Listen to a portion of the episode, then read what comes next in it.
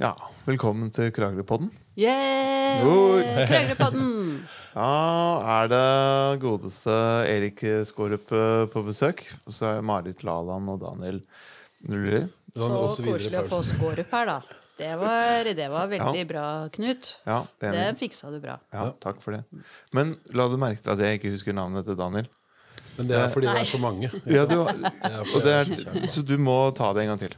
Hva heter du? Eh, Daniel eh, videre Paulsen i ah. noen sammenhenger. Eh, eller Daniel Theodor Jangmar Paulsen. Ja, men så har du det der, veldig fine svenske navnet som du ikke har. Person. Ja, så vi må lære oss det òg. Ja, vi kan godt få med noen flere når vi først har begynt sånn. Det er sant. Men eh, Erik, velkommen til Kragerøpodden. Dette er jo vår andre episode uh, slik vi lager den uh, nå, i dette formatet her. Sånn. Så du er jo en celeb, og du er den første gjesten vår. Aller første Takk, takk. Ja. er, Gratulerer med det. Vi Det er, tenkte, det er en ære. Ja, det er hyggelig. jeg tenkte hva, hvem, eh, altså, hvem, hvem skal vi invitere? Og så gikk jeg gjennom en sånn liste over veldig aktuelle navn, og så var du blant de. Og så tenkte jeg hva, hva er det Erik er? Sånn, jeg tenker For min del så er du en av de jeg har lagt mest merke til fra første stund. Altså, jeg flytta hit i 2008, og da var du der. Og du er veldig synlig i bybildet. Eh, Du driver Playmo-butikken. Og du er, er du konditor? Både konditor og baker. Nettopp. To separate utdannelser. Så vi kan ikke gå forbi Jeg har jo småbarn. Vi kan ikke gå forbi butikken din uten at vi må innom og se på Playmo og kjøpe is. Det er på en måte greia. Så du er Is-Erik. Ja, Men så er du også Sjokolade-Erik. Og så er du Salsa-Erik. Og så er du Bokse-Erik. Så du har ganske mange, mange mange jern i ilden. greier. Ja. Hvem er, hvem er det du identifiserer deg mest med? Hvem er, det, hvem er Erik? Er det, er det boksing? eller salsa? Er? Nei, det er vel de utdannelsene man har. Og med først og fremst konditor, da. Med det finmekaniske når det gjelder eh, å bake og lage søtsaker. Sukkerbaker, som det het før i tida. Heter Ja, sukkerbaker? veldig fin, navn. Ja, veldig. Før konditornavnet kom, så sto det i gamle adressebøker at det var sukkerbaker. Hvordan er den, ja. Hvordan er den barnesangen? Eh, Sukkerbaker, kaker, eh, Når en, du tenker på den der Når en pepperkake baker, baker pepperkakesaker. Ja, men er ikke det en sukkerbaker eh, Ja, er ikke det Det er ikke noe med sukker der. Ja, kanskje det er noe med er sukker. Det er i hvert fall noe med pepper. ja. Er det Kardemommeby Nei, hva heter den? Ja, er det ikke det? Jo, Jo. var det den forfatteren der? Mm. Det er vel noe med egne Torbjørn Eggen. Ja. Ja. Det er fint. Det er en veldig fin tittel. Du, Ja, husker du var det du begynte med? Altså, det var det som jeg For jeg har jo vært der siden, lenger enn siden 2008. Mm. Og det, det første Jeg vet jo, I forhold til deg, Erik, så, så vet jeg at det er kanskje lettere å si hva du ikke Eller hva du ikke er, enn uh, hva du Nei, åssen er det der når jeg Blir det nå? Men i hvert fall så er det, så er det konditor og baker. Det, det er liksom den første jeg forbinder med deg. Ja. Så det er artig at du nå sier at det Det er jo det som man på en måte ja, er forma som, eller det det er jo det yrket eller profesjonen som man kan. Og eh, det andre er jo hobbyer. Og, det er klart at eh, Men, men kan jeg bare spørre, hvordan er det nå? Nå? Driver du med sukkerbakeri nå? ikke i den grad som vi gjorde før. Men du Men, men selvfølgelig er jo det meste av hverdagen er jo på innenfor feltet, da. Ok. Altså iskrem er jo også en del av konditorens oh, ja. eh, ja, sånn. fag. Og, Ja. og likedan med sjokoladearbeid og med marsipan og Mm. andre ting. da, Sukkertøy og karameller og alt som jeg er borti og gjør gjennom året. da. Så, men den tradisjonelle eh, konditoren, konditoriet med kaker med, og servering og alt det her som og bestillinger av ting til forskjellige anledninger, det, det er en jo litt borte fra. da. Du trenger ikke stå opp klokka tre lenger. Nei, man prøver jo å bruke sin kunnskap da, til å gjøre hverdagen bedagelig. Så, så langt det er mulig å ha et normalt liv. Det var godt Har- sagt. Har jo, har jo to små barn òg, så vi vil jo gjerne ha tida hjemme og være opplagt de timene de er Da. Men du, en ting som jeg har lagt merke til, er at eh, iskremene hos deg de, de, de har altså Når det er jordbærsmak, så smaker det jordbær. Det er ikke noe sånn syntetisk eh, eh, Sånn som visse syltetøyfabrikanter kan eh, noen ganger ende opp med å smake som. Eh, hvordan får du dette til, egentlig? Altså, er det jordbær. masse jordbær, eller er det bare Er det litt jordbær og, og masse Ja. Nå er det jo en vesentlig forskjell på industri og håndverk. Vi, altså Som håndverker og konditor så prøver man å finne de beste råvarene. Man søker etter den beste leverandøren og ferskeste, best kvalitet på de tingene man skal bruke. Og lager et produkt som er så bra som man kan klare. Mens industrien tenker hvordan kan vi få minst mulig råvarer til å bli mest mulig penger. Og ofte ikke putte noe av det oppi i det hele tatt som det skal smake av. Men det er smaken av noe. Og det er jo det som er så gærent, at man lures til å tro at et produkt ikke er verdt mer enn en gitt sum, og at uh, så lenge det smaker av noe, så er det greit. Men det har aldri hatt et eneste bær oppi der, liksom. Det er uh... ja. Jeg husker en gang uh, sitronbrus måtte bli omdøpt til kasino. Eller sånn. Det er, det er en del år siden. Ja. Brus med sitronsmak. Ja. Ikke sitronbrus, må vite. Men eh, jo, men jeg må, jeg må medgi at eh, jeg har alltid tenkt at man må til Middelhavet. Det er et av de landene der for å få veldig, veldig god is. Men det Man trenger ikke dra lenger enn til uh, Skorups.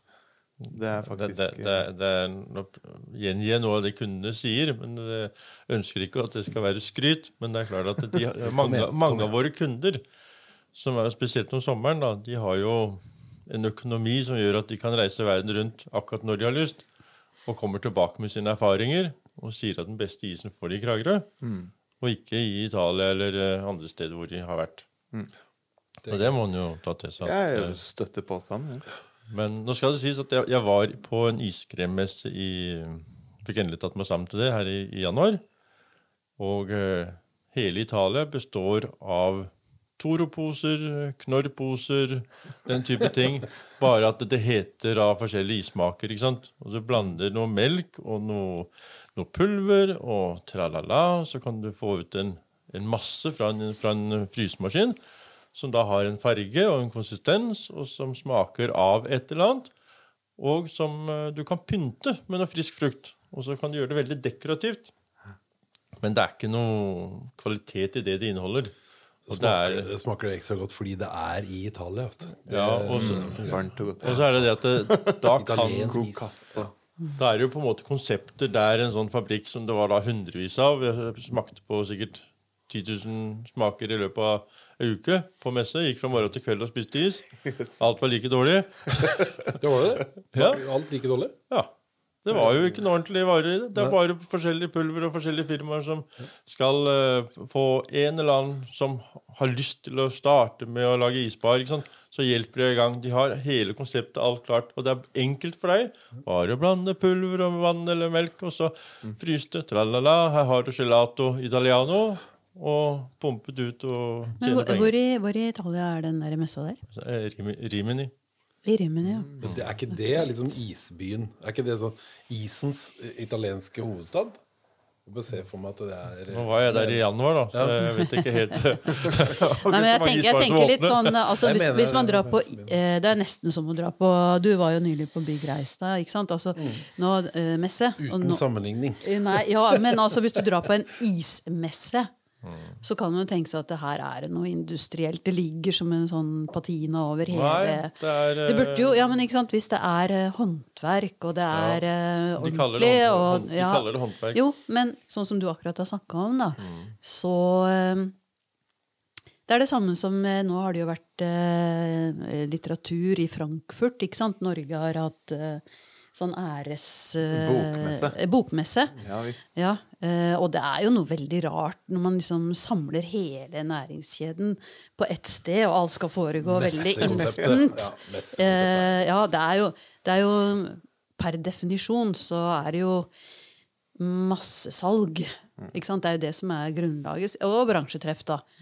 Men, eh, men det jo, vi har jo blitt vant til å tenke sånn at eh, der hvor det er eh, særegenhet og, og spesiell kvalitet og alt det der, det er litt utafor og litt bortgjemt, og der finner du de råvarene, og der er det noen som kan håndverket sitt og sånn. At man må gå og leite for å finne det the real stuff, på en måte. Men det er på isfestival. Ja, for eksempel. Og Ja. isfestival. Tenk, Ja. tenker jeg. Det er forslag fra Ja, Høyre. ja. Kan du ikke lage isfestival? Kom igjen, Skorup. Ja. Ja. ja. Ja, Men hvordan Vi har sikkert bruk for mange festivaler her i Kragerø, men det er, ja. det er ikke så veldig mange som altså Det er ikke noe miljø for å holde på å gjøre sånn som jeg gjør, Å nei. med de rene, ferske råvarene. Og jeg har jo andre som kommer, og så har de starta opp en liten isbar. Og jeg kom inn fra, fra Lillesand her som lurte på hva slags leverandør jeg hadde på de smakene. Sånn, så det, liksom, hva, hva tenker du på? Nei, han brukte den og den leverandøren. Han brukte Knorr, f.eks. Ja, men jeg bruker ikke det. Jeg bruker bare ferske råvarer. Men det er jo ofte at er, De har ikke noe grunnleggende utdannelse. De har ikke noe know-how rundt det her, og hvordan de skal bearbeide, hvordan de skal få til å smake. Og hvordan de eh, råvarene skal eh, Men du, kan, kan jeg bare spørre om eh, en enkel ting? Fordi at det, det er jo for oss som ikke har peiling, da. Eh, hva består egentlig is av? Hva er de viktigste tingene i is? Hvis jeg går og kjøper en is. Fløte. Fløte. Og litt sukker. Du må ha nøtter og bær. Hovedsakelig. Og stort sett er det ingenting av det oppi den isen du kjøper. Hva er det for noe de putter i, de folka som ikke putter oppi det? Er det, det er sånne E-stoffer og farlige ting, eller? Nei. Jeg aner ikke hva de driver med. eh, Ja, både og. De har jo et krav på seg for å kalle det fløteis. Så må det være minimum 9% fløte i en, eh, i en vanlig eh, boks med is da, okay. fra industrien. Mens vi bruker 50 Og det er jo en vesentlig forskjell. Ja, det høres sånn ut. Og eh, så har det jo blitt brukt litt forskjellig i iskremene. Altså, vi må huske på at det er bøndene som eier meieriet. Meieriet eier norsk iskrem. Og det har blitt gjort tester der man har funnet ut at det bl.a. har vært hønsefett i iskremen. Hvor man da kan eh, raffinere Oi. fettstoffet for å gi iskremen en fettilsetning som gjør at den da har de prosentene med fett. og sånn. Og da kan de pumpe ut en to liter for 1990 på superen. Er det det så det, det, er derfor, det er derfor den er så billig. Høres ordentlig kvalmt På, på isfabrikkene så, ja, men på, på, på isfabrikken, ikke sant, så, så er det jo linjer. Der står de og pumper ut en sånn uh, iskake eller et eller annet. Og så står det da Alt blir ikke 100% perfekt å se på. Og, så står det noen damer som plukker de til side, kommer i konteinere, kjører inn på en kjøle, smelter det, og så går det opp i en ny batch. Med hvor de får litt grønn farve, litt mandeldråper, og så blir det pistasjeis. Og hvis ikke de kan bruke det til pistasjeis, så putter de kakao i, så blir det sjokoladeis. Av, av den spillisen. Er det sant? Nå For å redusere svinet. her, sånn. Ja, det er jo, men det er jo sånn de driver. Men det er industri, det. På, Ja. ja. det, er, det, det er isindustrien. Det er mange ting en helst ikke vil vite som forbruker. Ja, jeg vil bare leve i en sånn sky, sånn romantisk har- sky om at alt er Sånn som, kylling, bra. som kylling og svineproduksjon og sånn, tenker du på? jeg, jeg har en, eh, en kunde som uh, jobber med å redusere svinnet på Henning Olsen-is. Og, og de uh, kaster da syv tonn is i uka. Syv tonn Ja, is da- i uka. Ja. Og han, si han jobber da med å lage en maskin som kan skille emballasje og iskrem for å få billigere avfallshåndtering på det. Eller, ja, og nå skal de til og med prøve å få det til å bli i en annen maskin som skal eller bruke energien til å varme opp fabrikken. Men det er jo no enorme mengder med, med, med spillis. Mm. Og det er klart uh... Spill, spillis. Det er, det er jo det.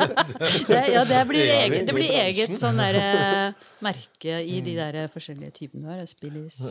Det er sånn han Brubakken vet du, i Kragerø, han har jo sånn eh, slakter... Ikke sant? Han har sånn E18-pølse. ikke sant? Det er de, de som er blitt påkjørt oppå Ja. Nå er jeg forsiktig med hva du sier. tror det tror Ja, det heter det. Ja, Ja. Men er det kanskje en myte at det er påkjørte? Nei, han jeg forteller jeg- det selv. Jeg tror det er oppskrytt. Er det sånn? Det er i hvert fall det han har fortalt det meg. kjøtt. elg er ikke, selger ikke. Det er godt mulig. Godt mulig. Men Erik, men vet du, er det flere som driver med håndverksis? Altså Jeg hadde noen kompiser når jeg studerte i Trondheim, som eh, eh, starta en kafé. Veldig hyggelige folk. Musikere som fant ut at de, ville, de måtte ha noe penger inn ved siden av musikken. Starta en kafé som ble, gikk fra én til to til tre, og så begynte de å lage egen is. Cielo. Men jeg, jeg vet jo Jeg likte jo isen. Jeg likte folka. Men eh, vet du om noen andre sånne håndverksismiljøer i Norge, eller er du liksom eh, helt Nei, jeg kjenner alene? ikke til noen, men, mm. men det er klart, jeg skal ikke si at ikke det fins. Nei? Det, det gjør det helt sikkert. Og, men som sagt, man må jo da leite lenge etter å finne noen. Og, og man, man kan bare si som fagmann så blir man ganske skuffa når man ser som Color Line de hadde jo en, en reklamefilm som gikk på, på nettet nå, hvor de viser at man de lager isen, den kommer ut av maskinen, og de pynter den fint osv. Men de viser ingenting om hva som er i. Og igjen så er det da bare noen lettvinte løsninger. Man blander noe pulver og noe melk og fryser på maskinen. Man ser kunden, eller så ser jo da at den kommer ut av maskinen på den videoen, og at det blir pynta med friske jordbær. Men det er ikke noe jordbær oppi. Men det, det er jo liksom man, man narres til å tro at man kjøper et ordentlig produkt, og så er det bare pulver og lurer i, i de fleste tilfeller. Det, det, det er litt uh, at man jobber da på en måte kjerringa mot strømmen. Man må jobbe veldig alene med å gjøre noe ordentlig. Men, men eh, det er jo klart at tilbakemeldingen er jo at når folk smaker, smaker på det, så går de ut døra over dørstokken og sier hm, det her, det, det smaker jo jordbær. Ikke sant? Det er jo faktisk Litt Og, sitron og eller sier til, ananas sier til nestemann som kommer inn du, den må du prøve. Den, eh, det smaker jo ekte varer.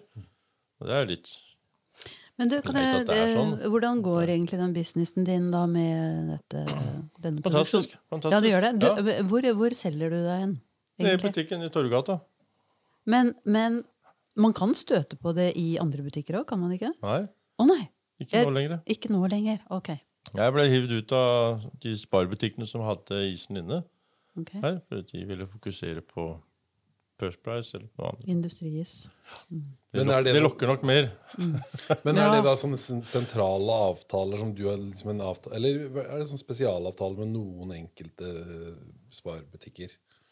Eller hvordan har du hatt Ja, nei, Jeg hadde da som lokal leverandør mulighet til å så levere inn litt, og det var hyggelig den tida det var til det. Men, det- Ja. Men det er klart, da må man jo selge tre ganger så mye av den samme varen som jeg kan gjøre over disk. Så det, det er ikke sånn kjempeviktig for meg. Ble vel ikke den samme avansen Sånn, uh... Nei da, men det var hyggelig å nå ut til et eh, større kundegruppe, og flere kunne bli kjent med produktet. Og det er jo selvfølgelig bedre for kundene som har en tilgjengelighet på produktet mange flere timer i døgnet. Og kanskje sam samtidig som det handler om noe annet. Men, nei, Men det du har uh, som du selger i den butikken, det er da is. Og så Playmo. Yay! Oi, der er det noen som er etterspurt. må jeg få slått den av. Det er lov. Jeg prøvde å finne min telefon. Jeg greier ikke å finne den, så jeg greier ikke å skru den av. Skal vi ringe, skal vi ringe den? Er, Nå er den det er ikke Du kan ringe den. Jeg tenkte på flymodus før jeg gikk inn, men Ja, ja, pytt, pytt. Nei eh, hvor, hvor var vi? Ja, vi, hva, hva, du, hva du selger. Jo, vi selv, uh, i tillegg til is, så er det, det er klart det er en sommersesonggreie, da. Og da har han jo prøvd å utvide vinterhalvåret med egenprodusert marsipan. Med, som lager da på spanske mandler da, med 70% mandler i marsipanen og gjør den så bra man kan. Og, og har uh, laga sjokoladeplater med krager og motiver på for å ha suvenirer og selge okay. da også til alle som bare kanskje enten er med en cruisebåt eller er noen innom, eller kanskje man bor her og ønsker å sende et lite visittkort til noen man er glad i, eller og, og brente med andre sukkertøy og ja, andre ting som man kan finne på for å fylle opp disken da på Ja. vinterstid. Og akkurat nå har vi jo begynt å ta noe av de gamle slagerne fra bakeritiden, med dubletter og og noe som vi også har i frysdisken. Og jeg lager kanelboller hver, eh, hver onsdag, blant annet. Ja. Du savna det så mye, så du måtte liksom Ja, altså, vi, har, vi har, holder på med litt, grann, og det er jo klart at det kan hende det blir mer. Men det er jo for å få flere over dørstokken og for å Ja. ha aktivitet i den delen av året også. Mm. Så det er noe som bare øker på alt sammen, og er egentlig veldig fornøyd med situasjonen. Ja, så bra. Men dette, men dette skjer altså da i Playmo-butikken. Ja, Og, det, og hovedgeskjeften er jo Playmo, egentlig. ja det var, det var jo. Begge deler. Ja. Det er jo en lang historie, for man begynte jo med et eh, kafé-bakeri, og ønska jo da å ha en barnemeny. Og så tilby da et sånt lite Playmo-egg med en overraskelse, en figur inni da til den der menyen. Så alle barna kunne også få en meny som var sunn. Det var et grovt rundstykke og ost og skinke på, en liten jusboks, og at det var litt bedre alternativ til mye annet for barn. da. Og en ålreit leke som de kunne ha med seg hjem. Og så blei jo den greia at eh, Jeg samla jo, på, eller, samler jo fortsatt på Playmobil. Det var det du begynte med, for Men- det har du holdt på med bestandig. ikke sant? Ja, men jeg hadde jo en deal etter at jeg kom ut av skapet, på en måte. Og Og Playmo-skapet. Ja, med, alle- med alle Playmo-lekene med deg ut av ja, skapet. for det var en dag jeg sto ved bakeri oppe på Kirketomta da vi hadde Tellefsen bakeri der, så var det en som ringte en dag og så spurte hvorfor snakke med meg, da, for eh, de leita etter eh, Ja, de skulle finne hvem som hadde mest i Norge av Playmobil. Ja, da fant jeg han. Og så, så fortalte jeg det, og så sa jeg at jeg trenger ikke å leite etter eller ha noen konkurranse på det. Det er meg. og så sa jeg ja til å delta på noe TV og magasiner og litt forskjellige greier da, for uh, importøren. Og uh, ja, da sa du, jeg det at det, det må jeg ha noe for, for nå er jeg 19 år, eller hvor mye jeg var da. Eller, eh, og det er ikke så kult blant uh, jentene at uh, jeg er verdens største Playmo-samler. Det er liksom ikke noe å si 'skal du bli med hjem og se på Playmo-samlinga' når du er på byen. Det er creepy hvis ikke er sant. Sånn, si, Frimerke er én ting, men ja. Nei da. Så jeg gjorde en deal da at jeg fikk alle nyheter som utkom fra Playmobil i de neste ti, ti årene. Det var Å, Det herlighet, Ja. for en Også det eh, er fantastisk deal. da. Topp for en samler. Og, og da var jeg Jeg hadde jo kommet til et punkt hvor det er klart at interessen hadde strekt seg lengre enn for de fleste. Men den var likevel avtagende, og man lurte jo hele tida på når du liksom nærmer deg 20 år Hvor lenge skal du holde på med det her? Skal jeg ikke bare liksom sette en strek etter hvert og så si nok er nok? Og, så det hadde begynt å liksom dabbe litt av, men så fikk jeg plutselig mulighet til å få alt som kom i ti år framover, gratis. Og det er klart, du, ja hva- ja, hva da, er- da fortsetter vi jo, ikke sant? Hva er det du i utgangspunktet syns er så utrolig fascinerende med, med Playmo, da? Eh, Nå spør jeg sikkert veldig dumt, men eh, jeg eh, tar meg den frihet. Ja, altså figurene og temaene og, og, og hvordan det appellerer til det rollespillet og til eh, fantasien og det rundt det. Hvordan det, det gjør eh, Altså, jeg har hatt ekstremt nytte av det til eh, marsipanmodellering og til å kunne vite hvordan ting er satt sammen, hvordan det er forma, hvordan jeg kan rekonstruere ting og, og lage med, med det. Og det sosiale aspektet hvor rundt et Playmo-bord så sitter jo barna og ser på hverandre og har interaktiv øh, og utvikling av sosial intelligens og det her. Mens med Lego så sitter de ofte med ryggen mot hverandre og har mine knotter, bygger sine ting. Å, og når de er ferdig med å bygge, så er de ferdig med å leke. Men her er, så, så ofte hvis du har en legoborg, så, så bygger du borgen, men når du har bygd den, så er du drittlei. Mens med Playmobil så er den jo ferdig og i en skala hvor du lettere kommer til, det er mange flere detaljer, og du har eh, leken med en gang. Det, Jeg, jeg føler en litt sånn viss rivalitet mellom Lego og Playmore. Det er liksom litt sånn agg mot Ja. uh, Altså, Lego Det er, altså, Det er noe Playmo til helt annet. fra- Det er interessant.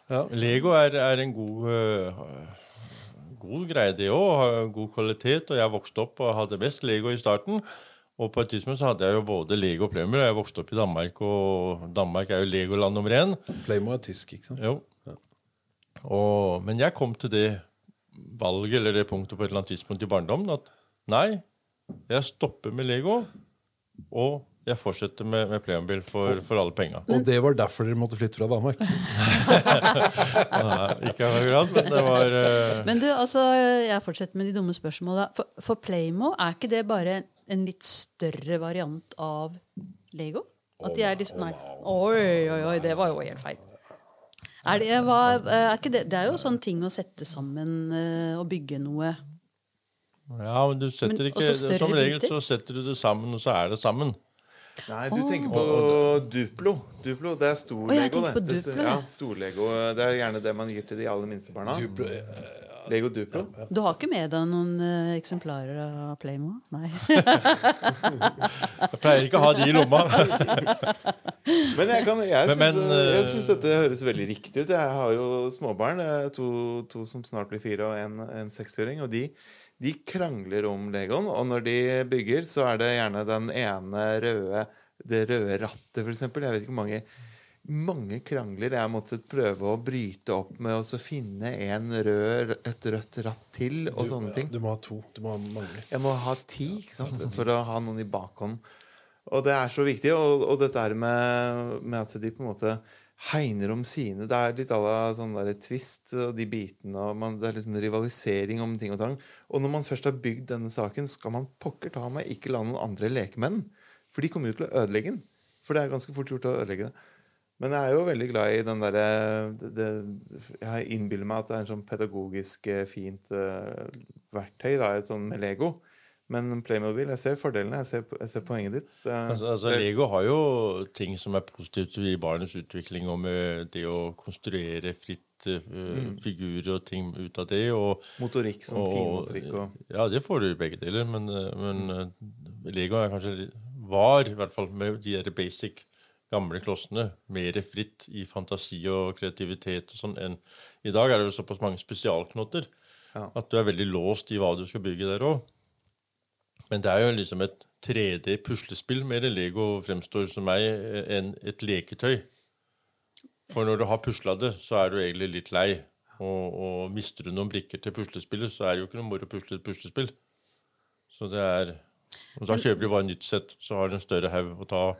Men så Playmo har ikke fått sånne, sånne tekniske innretninger som Lego og De har vært sånne, veldig sånne data... Nei, De har vært veldig tilbakeholdne på det, men de har eh, eh, sånn moduler for å sette inn i, eh, som et understell i biler, sånn at de kan bli fjernstyrt. Sånn at du kan ha en høyere lekealder på de, og at de da Og det er blitt sirener og blink og sånn på utrykningskjøretøy. Og det er også kommet fjernstyring til, til båt. Og det har også vært eh, til noen spionserie med at du kan ha et kamera inne i bilen, og du har fester et, en monitor på fjernkontrollen. Så kan du stå og se på fjernkontrollen hvor bilen er henne, hva den filmer, og, og kan også lage egne agentfilmer via nett. Okay. Så, det, det er blitt eh, mer avansert der Ja, også. det høres jo sånn ut. Og det er jo ekstremt detaljert. og Jeg husker, jeg husker jeg vokste opp med både Lego og Playmo. Altså. Jeg, med, og det som var greia med Playmo, husker jeg, det var at vi brukte liksom eh, litt tid eh, på å sette opp sånne, altså, eh, sånne ting eh, som vi etterpå spilte ut sånne scenarioer. For eksempel en sånn Det var jo Western Playmo. Så da satte vi liksom opp den her borgen med de føderale troppene. Som skulle da bli overfalt av eh, ja, liksom eh, tyver eller banditter eller noen som skulle komme og redde noen, eller alt ettersom. Og så brukte man lang tid på å sette opp alle de posisjonene, og så spilte man ut et scenario etterpå. Det var, det, var, det var jo genialt. Jeg husker det var veldig god lek, liksom. Men som du sier, så var det jo veldig sånn eh, forskjell i karakter på Lego og, og Playmo. Ja, måten det brukes, er jo, er jo veldig forskjellig. Ja, Og Men jeg syns, jeg syns eh, ja, altså, eh, var, Det er jo nettopp det at de kan gripe og bruke verktøy. Altså, det, er, det er mye mer menneskelikt. Mens det her Lego da er, er mye mer sånn knotteverden. Alltid, altså, det, er, det er mer sånn eh, Man kan relatere til det bedre. Når, når, når Playmobil kom på markedet, så var jo det verdens første figur som kunne både holde og, og, og sitte og stå og alt det her og vri på hodet. Og det var én ting ungene kunne ikke få den fra hverandre. Og den var eh, tilpasset akkurat 7,5 cm, som var størrelsen på en barnehånd, hva den kunne gripe rundt, og hva som var Så den eh, overvant jo alle konkurrenter som var større og mindre osv. Og, og på den tida var jo Lego var jo bare en, en figur med armene inntil sida, og som eh, du bare kunne dele i to hvis den skulle sette, eh, sitte ned. Så flytta du overdelen et hakk bakover på brettet omtrent, og så satt den. Men den, den kom jo først på slutten av 70-tallet vel at den fikk en, eh, en uh, armer så den kunne holde i noe, den òg. Men allikevel så er skalaen så liten på Legoen at det, den forsvinner litt i handa og ikke, appellerer ikke på samme måten til, til ungene. Forsvinner ned i barnemager òg, hvis det er Det, tidlig. det, det er også hvis den er, er kanskje sikkert ja. Men Hvordan står det til med Playmo nå for tida? Er det like populært, eller er barna Mer og mer. mer, og mer? Ja. Okay. Men det, må du, det, har, det har du lønn for å si, det må- Nei, nei, nei da, men det ser en jo på omsetningstallene som blir offentliggjort hele tida. At det er, eh, de har økning. Og de har aldri vært så store som de er per i dag. Vi har en 160 nyheter i året. Det er nesten hver annen dag at det kommer en ny eske på markedet. Så det er ganske hyppig at uh, både sortiment eh, rullerer og, og utskiftninger og Men har det ikke vært noe sånn trua pga. padder og nett og data og fjas? Er det ikke sånn som skjer? Har ikke du merka det? Å bli trua. Ja, eller ikke trua sånn. Ikke sånn skummelt, tror jeg, men at uh, en markedsand... For jeg husker at det var veldig populært når vi vokste opp, og så har jeg liksom inntrykk av at det var en periode der det var Ja, det er klart at lekealderen generelt Ja. blant barna har gått nedover. Og det har vært en utfordring for alle som lager leker. At de, de åra de har å nå ut til en viss eh, aldersgruppe, at den er, eh, blir- mindre og mindre. Men eh, vi blir jo flere og flere mennesker òg. Så det ene veier kanskje opp det andre. Og så har, har Playmobil vært veldig tilbakeholdne på, lisenser. At man er knyttet opp til en bestemt lek. Det skulle liksom alltid være at hvis du har en grønn mann, så kan han få en politihjelm på, så er det en politi, eller så setter du på en grønn hatt med fjær, så er det Robin Hood. At, det, at barna sjøl på en måte gir uh, roller til figurene og leker som de har lyst til, fritt, uten at vi voksne har laga et tema. Og der ligger en film, en Hollywood-film i bakhånd som på en måte forteller hvordan det skal lekes. Det skal være fritt for, for barn å utvikle det. Så det har vært filosofien. Selv om man ser at eh, ja, Lego de var, var nødt til det pga. patenten på knotten. Så hvis de skulle kunne fortsette å produsere sett uten kopier, så måtte de jo knytte alle varene sine til Harry Potter, til Star Wars, til Byggmester Bob, til alt mulig som, som alle, nesten hele sitt sortiment er knytta til lisenser. Og det har jo ikke Playmobil. Men de har siste par åra har de laga noen få. Det kommer neste år Back to the Future. Men da er det bare en bil ikke sant, med to figurer som kan passe inn i alle de Playmobil-verdenene som de kan reise mellom. Ja, det er også en fin ting. Det husker jeg også at vi lekte med de forskjellige, at det helt plutselig var det sånne eh, Altså Man blanda verdener, og det ble helt sånn anakront. ikke sant? At det der eh, cowboyverden Helt plutselig var det noe sånn romskip og noe altså, Det var helt sånn speisa historier, ikke sant? Det, og derav filmen 'Aliens and Cowboys'. Det Kanskje det. det- Er det noen sånne kjønnsspesifikke ting her? Er det, er det like poppis blant eh, jentene som hos gutta? Når de starta i, i 74 Så i utgangspunktet var det jo tiltenkt at det skulle være en, en kjøretøyserie med figurer til. Men under testing da av av han oppfinner Hans Beck, så fant de ut at eh, figuren var viktigere enn kjøretøyet. Og så blei det en figurserie med kjøretøy og ting til. Men, eh, og, og det starta ut med indianere i en serie, og veiarbeidere og riddere. Og det var jo selvfølgelig veldig guttetemaer. Og det tok noen år før jentenes innmarsj. Første jentefiguren kom i 76, og, og da var det ofte en prinsesse i et, uh, en borg da med 40 riddere. Så leken var jo fortsatt eh, i overvekt i retning av gutter. Men eh, etter hvert så kom det flere og flere. Og nå har vi sikkert 50-50 når det gjelder temaer på, som er både for jenter, og noen som er veldig for gutter. Og så har jo de midt imellom seg sånn unisex med, med dyrehager og med bondegård og, og City Life og det her, da. Sånn. Og så ser en jo at i barnefamilier hvor de har både gutter og jenter, så leker de veldig fint sammen med Playmobil. Men hvis jenta leker med Barbie, så er ikke gutten så veldig interessert i å delta i den leken. Og hvis gutten sitter og, med noen biler eller noen metallgreier, sånn, så er kanskje ikke jenta så interessert. Men på Playmo samles de, da. Det kan være positivt for barneværelsene og foreldrene, ikke minst. Det er deilig å høre at du, har så mye godt å si om ja. Playmo, syns jeg. Det, syns jeg er ordentlig godt, uh, godt å høre. Altså. Jeg merker jeg også får lyst til å kjøpe litt Playmo for å få litt fred i huset. jeg, jeg innbiller meg nå at det er løsningen. Har du ikke kjøpt eh, nok Playmo? Jeg har jo sikkert noe liggende når jeg tenker meg om. Ja. Uh, fra, fra, et langt liv med leker, holdt jeg på å si. Men jeg merker at her, vi, vi, har en sånn ambisjon om å prøve å komme til bunns i saker. Vi har lyst til å lære litt. Vi, jeg føler det er veldig, vi har veldig mye å lære av deg om Playmo.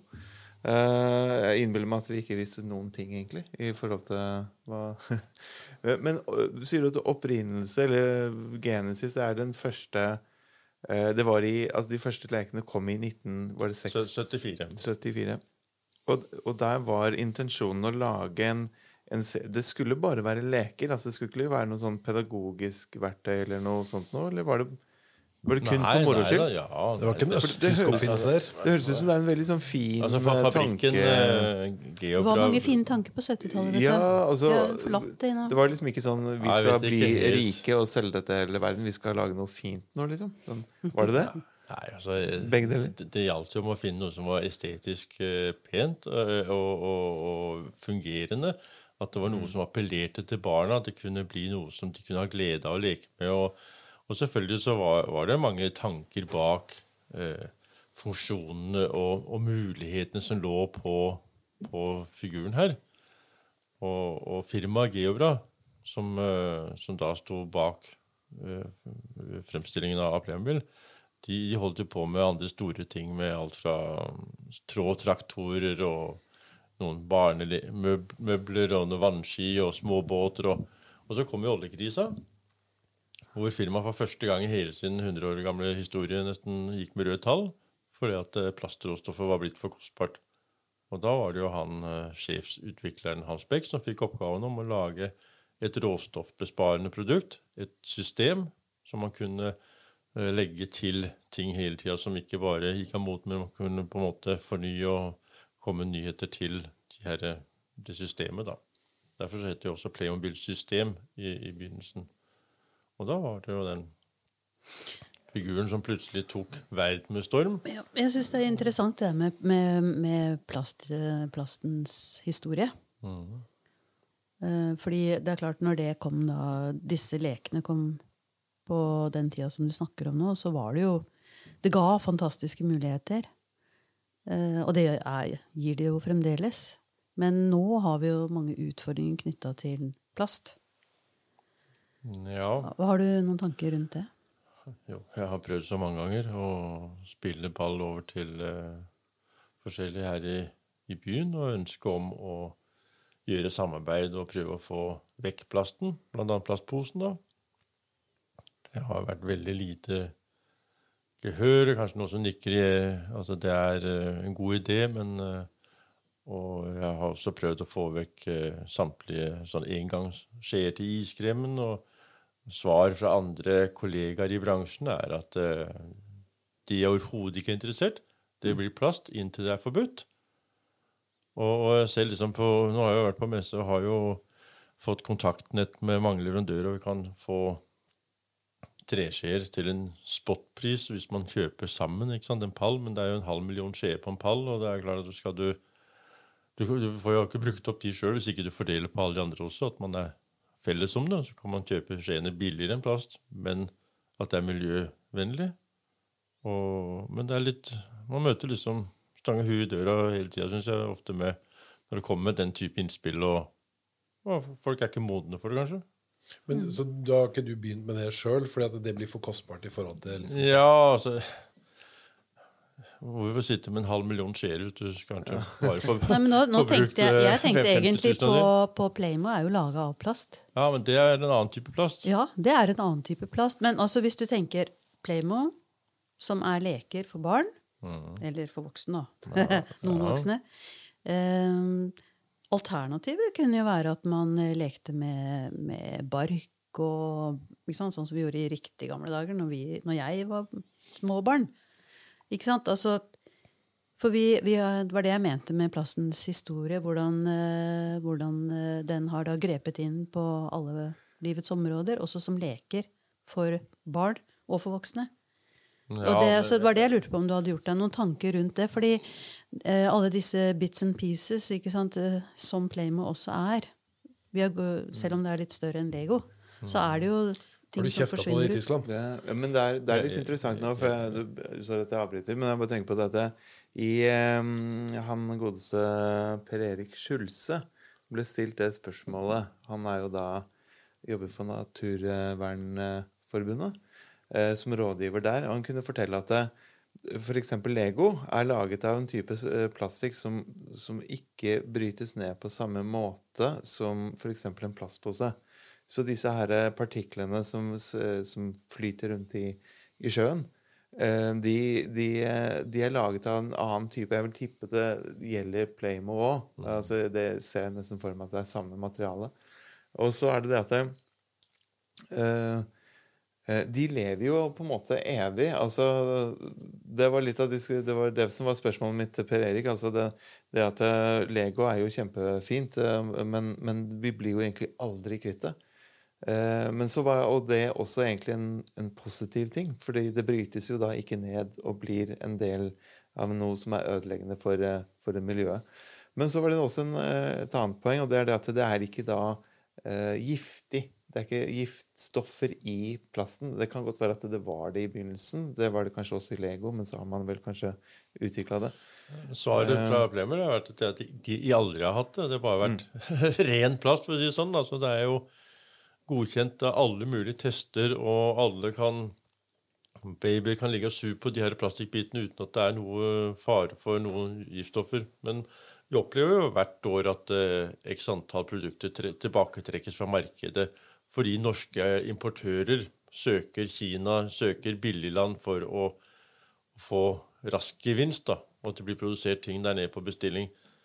Og, og kommer opp her på markedet, og så viser det seg at eh, når det testes av norske myndigheter, så er det giftstoffer, og det er farlig for barn å trekkes igjen. Så det, men på Lego og Playmobil og på den type kvalitetsprodukter, så, så har de ikke hatt den problemstillinga, da. Det, Og så er det jo sånn at Plast er sånn. det er jo eh, ikke nødvendigvis plasten som er problemet, men innsamlinga og resirkuleringa av den. Altså vel så mye. Altså at Hvis man i, i den grad man hadde fått samla sammen alt det her og fått uh, gjenbrukt det, så, så er mye Så er en stor del av problemet løst, da. Har jeg inntrykk av. Ja, Det virker som om at det holder så godt, mer enn min nesten evig, så blir det jo brukt i neste generasjon, neste generasjon. og Man leker hvor vår generasjon hadde kanskje få figurer, så har neste generasjon de har da ti ganger så mange figurer. ikke sant? De har både nye og gamle, og de, de lever videre i neste så Jeg innbiller meg i hvert fall at det, at det ikke er et eh, miljøproblem. Jeg husker vi sleit med å ødelegge noen Playmo-figurer en gang. Jeg husker Jeg må gå inn for det. livlig en sånn kinaputt eh, oppi hueskallen på en eh, for å se om vi kunne få det til. Men eh, han ble, ble bare misfarga, gitt. Det var ikke så mye å få gjort med det. De overlevde det meste. Så det er, det er åpenbart. Det er det testes mye for eh, all mulig Ja, jeg, skal ikke, jeg skal ikke dra det for langt. Altså, men det er klart, jeg tenker jo litt sånn eh, det, er jo, det er jo noe som De, de eh, tenker sikkert, de som lager det òg. Ja, er du gæren? Helt sikkert. Altså, jeg har vært med på la, i plastproduksjon, jeg. Ja, ja. Så jeg men, men det der når, når Altså, plast og hardplast er Det er jo eh, eh, ikke-fornybar. Ikke sant? Det er ikke-fornybart. Altså, du, kan, ja, du kan resirkulere ferdige plastbits. Det kan du gjøre. og Kutte det opp og bruke det om igjen, enten det er til, eh, til uh, ny varmeforbrenning eller kanskje til og med i nye produkter, hvis man er veldig heldig. Men, uh, men uh, det er jo ikke nedbrytbart på samme måte som f.eks. Uh, treverk eller ikke det som er direkte fra naturen. Da. Dette er jo noe som er foredla av, av olje. Eh, og blitt hardplast. Sånn at, eh, og med den lange nedbrytbare tida så kan det skape masse problemer på lang sikt. Ikke sant? Men så har man da den brukstida i mellomtida. Eh, nei, jeg bare, jeg bare tenker at ehm, hvis vi skal snakke om leker og hva som er bra for utvikling av barn og sånne ting, så Altså, jeg syns det var kjempegøy å leke med Lego sjøl når jeg var liten. Eh, så jeg, jeg, prøver å se det fra mange sider. Men, men, det er også noe med vår veldig korte historie til plass. Det, er en, det er jo en veldig kort historie. Det jo, var ikke på slutten av 1800-tallet at man begynte å utvinne, og så ble det fart i det først på begynnelsen av 1900-tallet. 1920-1930. Hvor man begynte å skjønne hvilket fantastisk eh, stoff det kunne være. Da, og så sprer det seg på alle områder, og også til leker eh, til barna. Sånn, det, så vi snakker jo bare om en 150 år eller noe sånt nå, hvor vi har hatt plass, da. Eh, så jeg, jeg, Det er klart Og akkurat det er at det blir en akkumulering av det. sant? Det er ikke nedbrytbart, disse hardstoffene, hardplaststoffene. Så jeg bare tenker at det kan jo hende at det på lang sikt kanskje utgjør en, noen problemer, altså. Jeg vet ikke. Uten å Jeg skal ikke problematisere det for mye. Eller, sånn. nå, er det, nå er det for seint. Ja, ja, unnskyld. Nå har du gjort det. ja, men vi kan gå videre. Jeg bare hadde lyst til å bare Ja, men tror, Du er jo inne på et veldig vesentlig poeng. Men det er, det er vel nettopp også det fordelen ved nå høres jeg som en sånn plastforkjemper der, men jeg bare tenker at fordelen ved akkurat det produktet og, og tilsvarende er vel nettopp at det er lett å, å gjøre en resirkulering av, av det stoffet. da. Si, ehm, det, den plasten som er i, i, de lekene, det er ikke det som havner i fiskens mage. Nei. Det er ikke det som ødelegger havene våre. Og havene er jo det som gjør at kloden lever. Så det er ikke de store problemene her. Men at det blir for mange legoknotter på et enkelt barneværelse rundt omkring, det kan det sikkert bli etter hvert. For de går jo i arv. Men jeg tror at uh, tenker vi plast, og vi tenker på problemer, så er det andre steder som det må Det er ikke, det er ikke prøvd på noe sånn trepleimo noen gang? Det er ikke, jeg har ikke sett det noe sted? Eller? Ikke annet enn uh, en, uh, sånn modellene som de lager uh, prototypen ut av. Ja. De blir ofte sittet og spikka for hånd. Men da lager de sånn, litt sånn balsatreaktig ting, da, eller? Eller er det sånn ordentlig, ordentlige ja, tretyper? Ja. Og, og, så lager de det, og så har de maskiner som kan måle det opp og kan lage former og verktøy til å For det er jo injeksjonsformer uh, ja. som varmt plastikk blir sprøyta inn i, og så du, du, har vært der nede, det skjønner jeg jo nå, ja, ja. og vet jeg jo egentlig. At du har vært der nede et par gang, gode ganger. Ja, jeg har vært mye der. jeg kommer til å skal være der en del òg, kanskje. du skal det? Ja. Å, fortell, Det her høres Nei. ut som en sånn uh, ja, har, Som at du skal breake noe nå. Nei, jeg har, har jobba litt, eller en god stund med å skal overta et prosjekt. For han, han gikk bort, han som har laga en sånn Playmobil Collector Guide. Ja. Det er en bok på en 700 sider som vi kanskje ønsker å doble antallet sider på, og ha da samtlige utgivelser med Playmobil. Og da er jeg den eneste da som har nok kompetanse til å kunne videreføre dette og lage da en collector guide, en ny for, for verden. Og um, om det kommer en utgave nå, eller om de skal vente til en store 50-årsjubileet sitt i 2024. Det får vi se på. Men arbeidet og kontraktsforhandlinger er i gang. Hmm. Så... Det er spennende. Det er jo kjempegøy. Ja. Det er jo helt topp. Gratulerer. Ja, fy søren. Det er moro. Så... Skal du da ned til Tyskland og være der ja, under arbeidet? Ja, noe av jobben blir jo være å gå over materialet etter forgjenger for å se om alt stemmer og det som er gjort der. Og gå gjennom arkivene til Playmobil. De, klart, de har ikke jobba der så lenge som jeg har samla, de som er der nå. Så de, de, har ikke den samme innsikten. Og da blir det å få laga et uh, godt arkiv og sette det opp med og han eh, layout-designeren på forlaget, et tysk forlag, han er kommet med på teamet igjen, og så vi skal begynne å jobbe sammen da med å det her er liksom guttedrømmen som liksom aldri tok slutt. ja, ja. Bare, bare, tok mer og mer og mer av. Det er helt vilt. Ja. Kjempegøy. Det er jo, det er, altså På den måten dokumenterer du jo en, en veldig viktig kulturarv da, som eh, ja, da, ja. har spredd seg over ja. den ganske verden. Ja. Mm. Så, nice. Mange forum og sånn som man på en måte har forskjellige som kommer med spørsmål eller komplimenter og alt mulig fra hele, alle kontinenter. Og Så det er stort engasjement i Ja, jeg mener altså, jeg var jo Det, er, det finnes jo mange eksempler på det, men uh, f.eks. i London så er det jo et eget uh, museum for uh, tog. Altså hele tog, tog er jo veldig viktig i England. Og har vært det. Jernbanen, ikke sant. Det var jo der det det er, eh, Hva heter det for noe? Damp, Damp- damp, ikke dampskip, men Lokomotiv. Lokomotiv. det var jo der det starta, og det er jo en, for hele industrialiseringen kjempeviktig. Eh, og et fantastisk eh, museum. Eh, og, og det som du skal være med på nå og lage, er jo Ja, det var en bok, da. Ja, men likevel. eh, Altså, det er jo sånn det starter, Ja. ikke sant? Med å, å dokumentere. Det var to gutter i, i Hamburg som hadde drevet et diskotek. Og så var de lei av det, og så tenkte vi vi har lyst til å lage modelljernbane. Og så gikk de ned i banken og spurte banksjefen om de kunne låne fire millioner euro for å lage en modelljernbane. Han bare Er er det helt uh, Willy Nickersen, liksom? Er det, hva er det dere tenker? Og så fikk de da leid seg inn i den nedlagte jernbanestasjonen i Hamburg. På, satt opp da på 1500 kvadrat. Har de bygd opp en god del verdensdeler nå i miniatyr, i, som Merkelin-tog. Og eh, i løpet av de åra de har hatt åpne nå, har de passert 10 millioner besøkende. Og er Hamburgs turistattraksjon nummer én.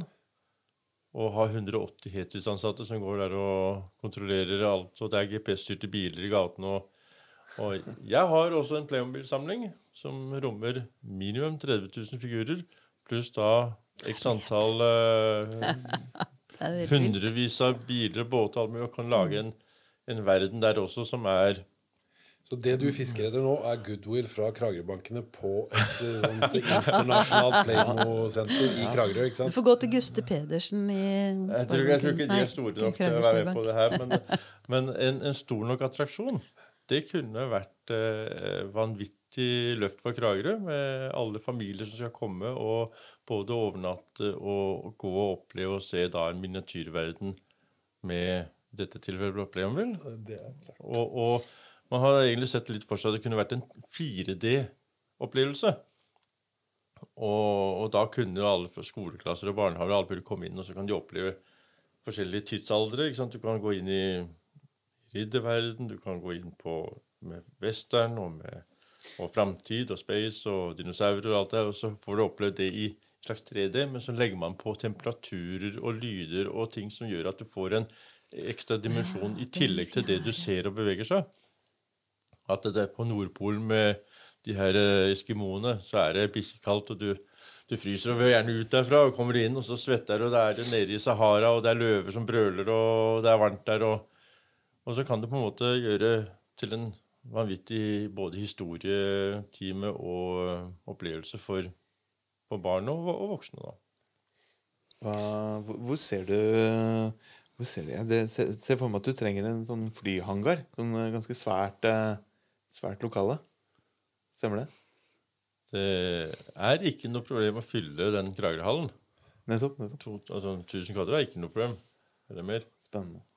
Og Det er jo da Ja. det du stiller ut, og så skal du gjerne da ha et uh, shoppingområde og en kafé og med alt det andre her i tillegg. Og det, og nå tenker en jo bare det som er bak vitriner eller i, bak glass. Da skal de ha lekearealer eller sånn i tillegg, så blir det mer, og kino og pluss, pluss, pluss. Det, kan bli ganske heftig. Men det Men hvor er det, hvor er det altså nå, den tyske liksom, hjembyen til Playmo, hvor er den egentlig? For Det ligger i Sirendorf, i, rett ved Nürnberg. Er det en sånn Jeg bare ser for meg at det er en sånn Jeg vet ikke hvorfor jeg ser det for meg, men jeg ser veldig for meg at det er en sånn middels eh, stor by der Playmo er på en måte det som skjer. Er det litt sånn? Det- det er det- hjørnesteinsbedriften, og folk er, det er nesten sånn at det er litt sånn Playmo-gateby. Det er en sånn liten dorf hvor uh, Det det går ut av navnet også, Sirendorf. Altså Dorf, en liten sånn landsby. Ja. Og uh, der, ja, alle som selvfølgelig bodde der, de jobba vel på fabrikken på en eller annen måte. ikke sant? sant. I starten så ble ble jo alle delene sendt ut hjem til husmødre som satt hjemme og mens ungen sov, og så fikk de mulighet til å sitte og samle og sette sammen esker, og så ble de eskene plukka opp igjen når de hadde fått samla så og så mange sett. Men det var jo måten det starta på med å få fylt opp eskene med det riktige innholdet Og, og så videre. Og så etter hvert så har de jo at de jobber på fabrikk og så videre. Men eh, hele byen er jo med statuer, er det figurer av Playmobil som står og reparerer vann og sånn i gaten der, og det er eh, Alle butikkene har en sånn stor, stor figur som jeg har på Jeg har de rundt for på apotek og for baker og for Så de er stolte av eh, det de har der. Men har de noe museum og sånn, eller har de Nei, det fins et, eh, et leketøysmuseum i Nürnberg som tar for seg eh, alle mulige leker helt til- fra tidenes morgen og til nå. Men Playmobil har en egen uh, fornøyelsespark. Playmoland-lignende. Men det er da i nærheten, eller? Ja, det ligger eh, i Sindorf. Ja. Rett ved fabrikken som er hovedkvarteret.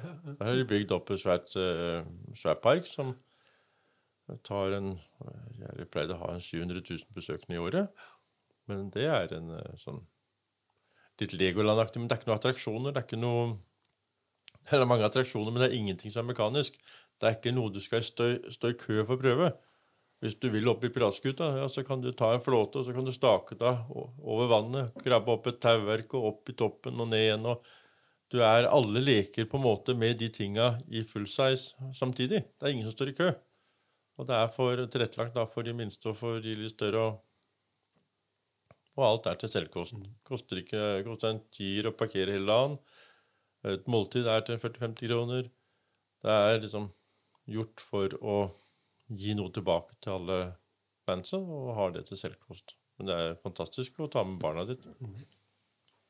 Ja. Men du, er, er du på speed dial med han med det selveste sjefen der, liksom? Har du, har du han er øverst på telefonen? Er, det, er dere liksom Er dere der, liksom? Det, for han må jo Nei, han eh, nå, nå var jo han såpass voksen og gikk jo bort for noen år siden. Så han eh, Jeg har hilst på han. Jeg husker jeg sto der nede på ho- eh, trappa ved kontoret der, og så sier hun PR-sjefen som jeg har hatt mest med å gjøre, her kommer Horst Brandstøtter. Og å, det var jo selvfølgelig en ære å hilse på, på eieren, så jeg var kjapp til å strekke fram labben. Men da var det damene først, så da var det min fru som fikk hilse på han først, og så kunne jeg få lov til å prøve etterpå. ja, det var jo hyggelig, det, da. Ja. Så, men eh, Men det, eh, jeg det mest med oppfølging å gjøre, sånn sett, da. Eh, du har jo altså ut, eh, Jeg har jo aldri snakka med deg før nå i kveld. Eh, det er jo hyggelig å bli kjent med noen flere. Og jeg tenker at du har jo da altså Med alt det du har snakka om nå, så er det en sånn barneverden, på en måte. Med Playmo og med sukkerier og godterier og kaker og sånn Charlie og sjokoladefabrikken-verden som du på en måte Jeg kjenner mange voksne som er søtmonstre og, Og de, de fleste av de som samler på Playmobil altså De ungene leker med Playmobil. De, de Ja, men Jeg mener ikke at det er noe dårlig. Nei, sånn. Jeg men- mener tvert om. Altså at eh, det er jo, du, har en sånn, du må jo ha noe sånn fantasi Et ønske om å være i en Eller jeg jeg vet ikke om du har noe ønske om det, men at her er- bygges det opp noe det er inni en fantasiverden, da. Eh, hvor man kan leke og ha det gøy og kose seg og, og sånn. Eh, og, det, og det er businessen din også. Eh, ikke sant? Er det ikke det? Eller, eh, og det er ikke noe Jeg mener Nei, jeg vet ikke. Jeg er alltid veldig glad i is, men eh, Ja. og, og det, det du er glad i Jeg har jo stått og laga tusenvis av napoleonskaker, og de har vært kjempegode. og folk har vært fornøyd. Jeg har aldri spist en av dem sjøl, og jeg har aldri likt napoleonskaker. Men hvis du kan velge hva du vil lage, så er det bedre å lage noe du liker. Det er større sjanse for at det skal kunne utvikles videre og bli enda bedre hvis du liker det sjøl. Det er en god greie. Ja, ja, det er klart det. Jeg er totalt Og, enig. eh, Ja, det er derfor jeg driver med det jeg gjør for tida. Og, og det, det, det, den privilegiet det er å få lov til å holde på med noe man liker, og faktisk kan eh, overleve på, på det, det altså I stedet for å gå bare for, for å få pengene for å gjøre et eller annet som ikke sier deg noe. Det, men det er, det er jo tilfeldigheter alle sammen. Altså, jeg har jo hatt en, en far som har vært eh, baker ikke sant? og vokst opp i et bakeri. Og jeg har jo fått være med og lage marsipan og bake på kjøkkenet, og, både med, med mor og far. Men det er jo Man har jo tidlig holdt på med de tingene, og så var det det som var første sommerjobben. ikke sant? Og det var der du fikk utfolda, der du fikk prøve ting. Og så er det tilfeldig at det er det er det det blei. så har den vel en egenskap hvor man ønsker liksom å man ønsker å mestre et eller annet, man ønsker å bli, gjøre det bedre enn noen andre, eller man ønsker hele tida å heve lista. Og, og, selv om man gjør det så alle andre er fornøyd, så er jeg fortsatt ikke fornøyd sjøl. Jeg vil videre. ikke sant? Jeg vil hele tida prøve å bli noe bedre. Mm. Men for det er vel det er mitt inntrykk av deg, i hvert fall, Erik, at du har alltid vært sånn altså Du har gått, alltid gått veldig inn for de tinga, de interessene du har. Og det tror jeg vel mange i byen eh, i Kragerø generelt forbinder med deg? At du er liksom all in på de områdene du holder på med?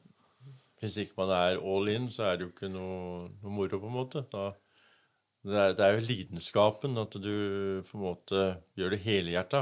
At det, det gjør noe halvveis, det er, eh, det er ikke noe tilfredsstillelse i det. det må... du, gjør du ingenting halvveis? Mm.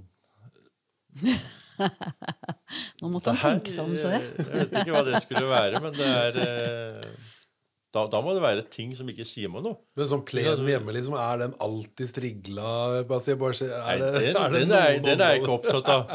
Jeg, jeg, jeg, er jo ikke perfeksjonist på den måten at alt rundt meg må være sånn, sånn, sånn. For at, uh, det er jo ting som interesserer, og ting som Men man er jo interessert i å ha det noenlunde rundt seg. Ikke sant? Det jo sånn, sånn tar jo vare på, på plenen og på bed og på de tinga, men det er jo ofte at det gresset er for langt, eller at men, eh, men eh, jeg, har, jeg, jeg, jeg, har, bare fanga opp litt om at du har jo nå fått en lidenskap eller et engasjement for uh, utvikling av Kragerø by. Det kan godt hende du har hatt det lenge, for alt hva jeg vet. Men uh, nå når det har vært uh, omdiskutert dette med B13 og sånn, så har jeg bare lagt merke til at du har kommet med noen, noen refleksjoner. da. er det det samme jeg pleier egentlig ikke å være Jeg er ikke verken politisk eller engasjert eller uh, Eller tilhørighet til noe parti. Og ikke har jeg følt så veldig mye med heller. Men det var litt tilfeldig at jeg fulgte med. Og så starta det med at en skrev et spørsmål til ordføreren med hensyn til uh, hvordan blir det med parkeringsplasser i, når de skal i gang der nede.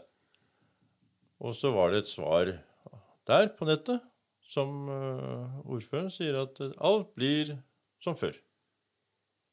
Og så ble det litt sånn diskusjon rundt det, og så begynte han å se litt nærmere på at det blir jo ikke som før.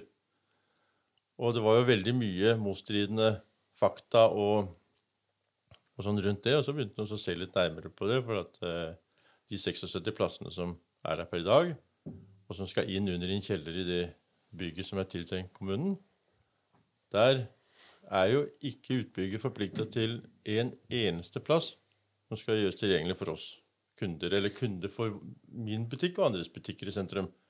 Det er jo der på en måte interessen starta litt på å okay. finne ut litt mer rundt det. For hvor, hvordan kan det ha seg at våre kunder, den mest besøkte parkeringsplassen, som en gang ble overtatt fra jernbanen, til å være en, en parkeringsplass, samferdsel, er det en tomta til.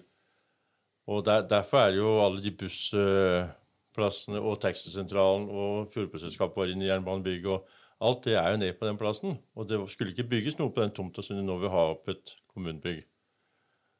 Og når alle de plassene skal flyttes da inn på B4, som da er et parkeringshus som vi ikke vet når skal stå ferdig, og hvor kommunen ble tvunget til å kjøpe 126 plasser i tillegg til de 174 som utbygger er, eh, er, skal ha som erstatningsplasser for det han skal bygge på havnefronten. Og så er jeg 18,9 millioner for de plassene til sine egne ansatte for at det hele tatt skulle bli en fremdrift på bygginga av den B4-tomta. Så begynte vi liksom å tenke på skal kundene våre en kilometer ut av sentrum for å parkere. Skal de gå i regn og snø inn til butikken? Gidder de det? Eller kjøre til handlesenter? Også, er det der som folkehjelp er? Ja. ja. Og så begynte liksom uh, hmm? Folkehjelpstomta, som det heter. Ja. ja. Og så begynte jeg å se da med både Paulsen og Brubakken og Nicolina og flere andre begynte da å bli bekymra. Og det, det, er jo en bekymringssak hvor man spør på en måte øverste om et, et, et eh, fair svar på hvordan det blir liksom. Og så blir du fylt med løgn. At det, er, eh, det blir som før, men det blir ikke som før. Og du ser at det, det henger ikke på greip. Du var jo selv på, på et møte der kommunen kunne ikke svare på noen ting. Utbygger skulle stå og fortelle åssen det kom til å bli, og de bare fnasa og lo. og Bare vi får eh, kommunen på kroken her og får leid ut til de, så kan vi innbyggere betale over våre skattepenger 180-90 millioner for et bygg midt i smørøyet der nede.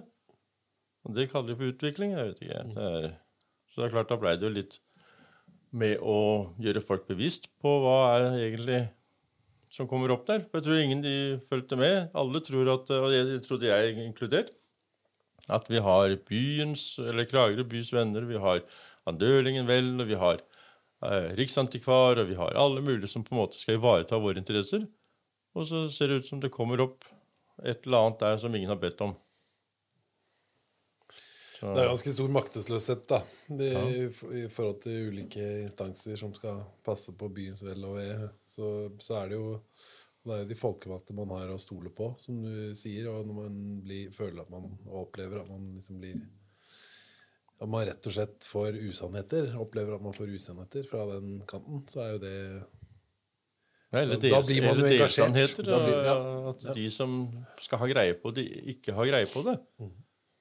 Og til syvende og sist, når de blir stilt til veggs, så er det liksom Nei, men vi, vi vet det egentlig ikke, sier de da.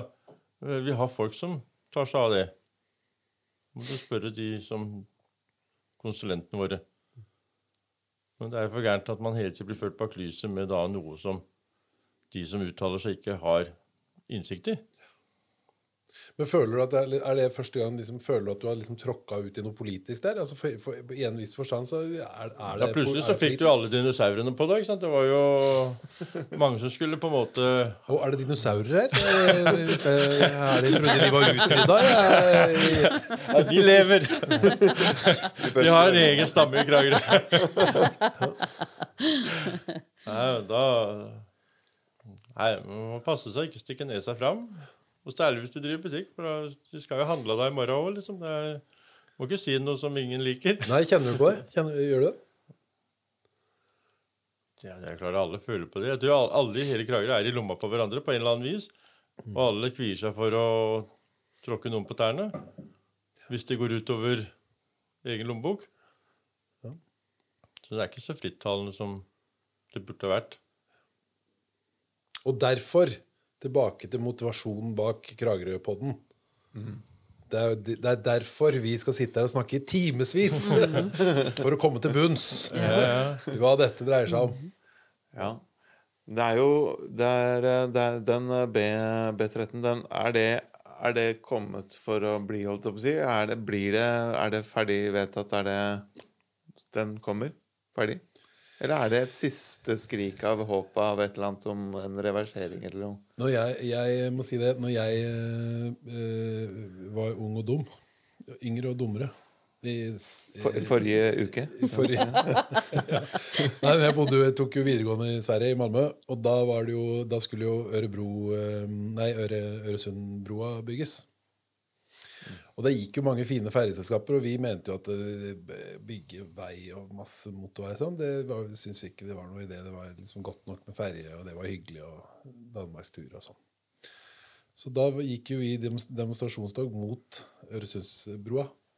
Og da var det et godt eh, slagord som eh, kan appliseres nå, og det er 'Bygge jævla skit, via dynamitt'. Så den, og den er oversatt til norsk for de som ikke skjønte det.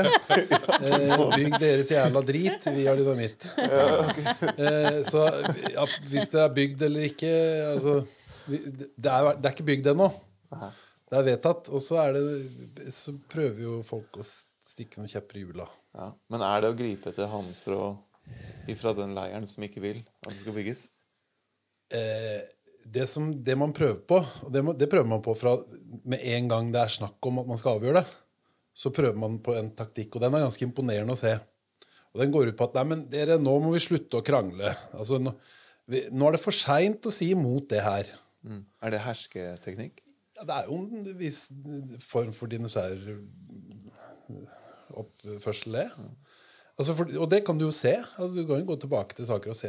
Vi kan ikke, det avgjør vi ikke. Det avgjør vi et, det- Vi skal ikke snakke om det nå. Nå tar vi dette først, og det er sånn. ikke sant? Men eh, også er det nå, i forhold til det, så er Ja, men er vi ikke lei av det her, dere? Er vi ikke, er ikke, ikke snakka ferdig om det her nå? nå må vi, og det møter vi altså Jeg er jo med i Kragerøbys Venner, det er jo ikke noe hemmelighet. Når vi, når vi møter Kragerøblad så det er klart, De har jo kjørt noen eh, spaltemeter på det her. Men de er, de, dere sånn, de er, er ikke folk lei av det her nå. I KV? Ja.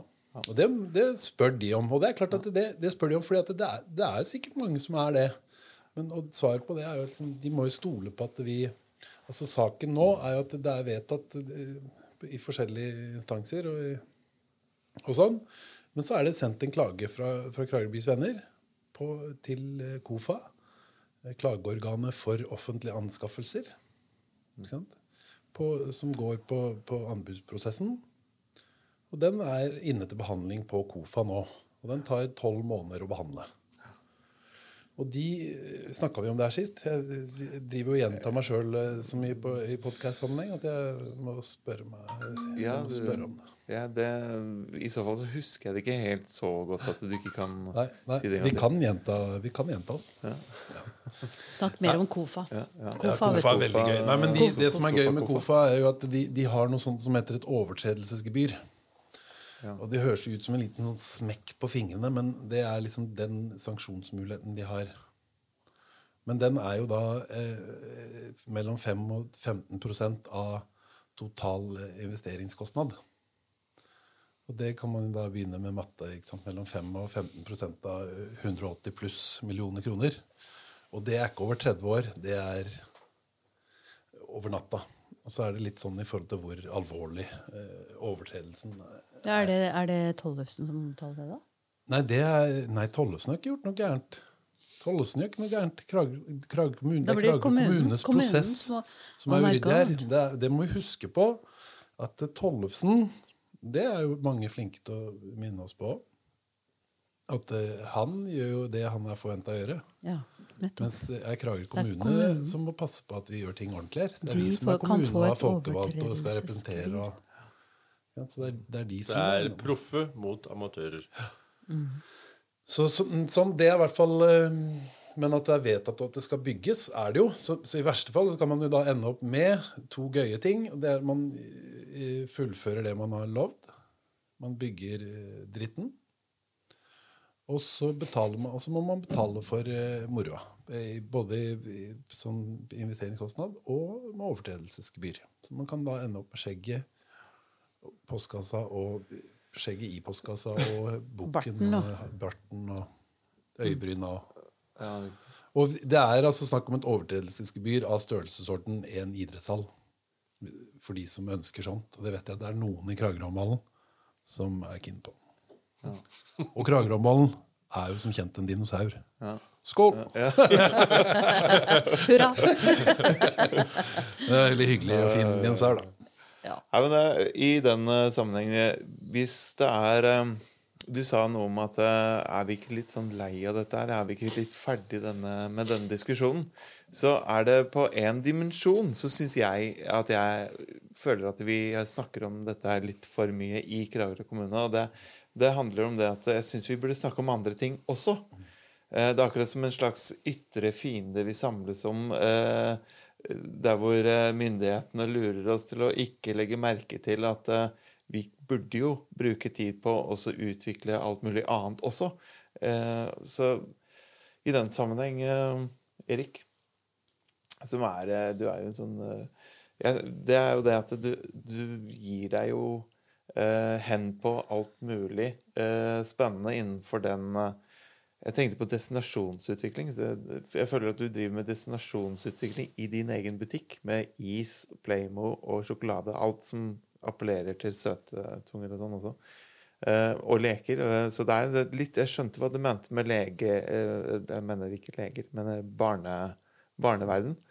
Men hvis du var på en måte Kall det rådmann, ordfører og destinasjonsutvikler i Kragerø AS for eh, to måneder, hva ville du gjort da? Nå har jeg jo småbarn sjøl, og jeg ser jo det at det, det er forskjell på ja, å, å lokke til seg en barnefamilie og de pengene de er villige til å legge inn i en by, kontra hvis du bare skal tiltrekke deg noen, noen pensjonister som skal se på et gammelt bilde eller noe. Uten å tråkke kunstneren på, på tærne her, så er det, er det forskjell på hvor mange penger som legges igjen. For hvis det sitter fem stykker oppe på E18, og en av de ungene vil til Kragerø på grunn av en eller annen ting, enten det er se Playmobil-butikken eller til at man hadde hatt en, et, et badeland, eller hva man hadde vært grunnen til at uh, man kjører og stopper bilen der, spiser på en restaurant, shopper litt i butikkene, har uh, en dag da på en eller annen type attraksjon eller Playmoland eller hva det kunne være, så tror jeg det ville vært et kjempeløft for, for byen og besøkstall gjennom hele året. Vi, vi, trenger ikke utvikle sommeren. Den er jo smekkfull fra før. Men det er jo i alle de andre månedene. Og så er det jo det å få på plass med høyskoler og noe som At det er flere som skal klippes, flere som skal ha klær, flere som skal ut på byen i helgene. flere som skal, vi, vi, trenger jo å gi sentrum et løft ved at det er flere som trenger noe. Pensjonister trenger jo ingenting. De har skapet fulle. De ikke gidder å ete mer heller. De er mette av dage. Det, det, er, det, det, er, så vidt at de klarer halv smulting. Så det blir liksom ikke noe penger i kassen av det. De må ha med seg barnevernet. Da er de runde. ja, altså, vi må holde hjula i gang, ikke sant? og vi må jo prøve å gjøre noen sånne ting. Da, I og med at vi ikke klarer å bli flere bosatt her. Vi har jo stått stille i en del år. I, siden 1970? Siden, 18, siden 1896. 1896, faktisk. Ja. ja. Såpass. Ja, det var, det var jo fol eh, folketelling da. Ja. På... Nå er jeg kjent for å ikke bare gjenta meg sjøl i podkastsammenheng, men også ljuge. Jeg må bare si det. Men uh, sjekk det opp. Altså. Mm. Jeg oppfordrer folk til å google. Skåte Sandal kommuner 1896 uh, eh, folketelling. 11 000 og noe, mener jeg.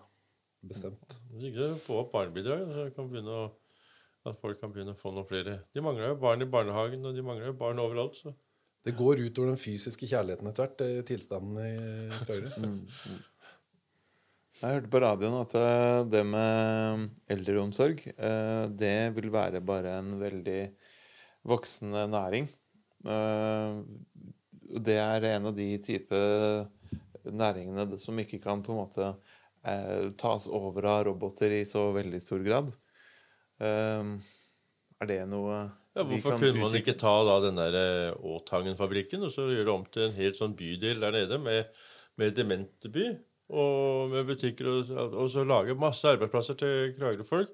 Og kunne det komme folk fra hele landet som da var demente, og som kunne være der i en fin, sjønær eh, leilighet da bli passa på. De var innafor et område hvor de kunne Og man fikk også miljøopprydding av den gamle fabrikken. Eldreturisme, rett og slett. Rett og slett. Ja. Men Tangen Tangen òg? Ja, det er jo, det er jo et kjempe, en kjempe Det føler jeg dere kom Knut og Erik, det føler jeg dere kan bare skal vi, det, det, det, er jo masse eksempler på Det har dere herved lansert. Det er mange eksempler på, på vellykka opplegg der i Holland på, med sånne dementbyer hvor de da innafor det området der har de butikk, og de har uh, frisør, og de har forskjellige da, pub og ting de kan gå til, og de husker jo ikke neste dag heller. Og så får de utlevert så og så mange kroner per dag som de da kan gå og bruke. Og så er det liksom innafor det herre og, og, det trenger jo masse pleiere, masse folk ansatt. Og det kunne vært uh, noe for, for Kragerø. En, en, slags sånn institusjonsbydel? Ja. En, en parallellverden. Ja. Ja. ja, det kunne vi trenge for flere grupper, syns jeg, hvis vi skal fortsette på det. Da kan vi ta de gamle der, og så tar vi narkisene der, og så ikke sant? Da kan vi dele opp uh, Bare ha masse parallellverdener.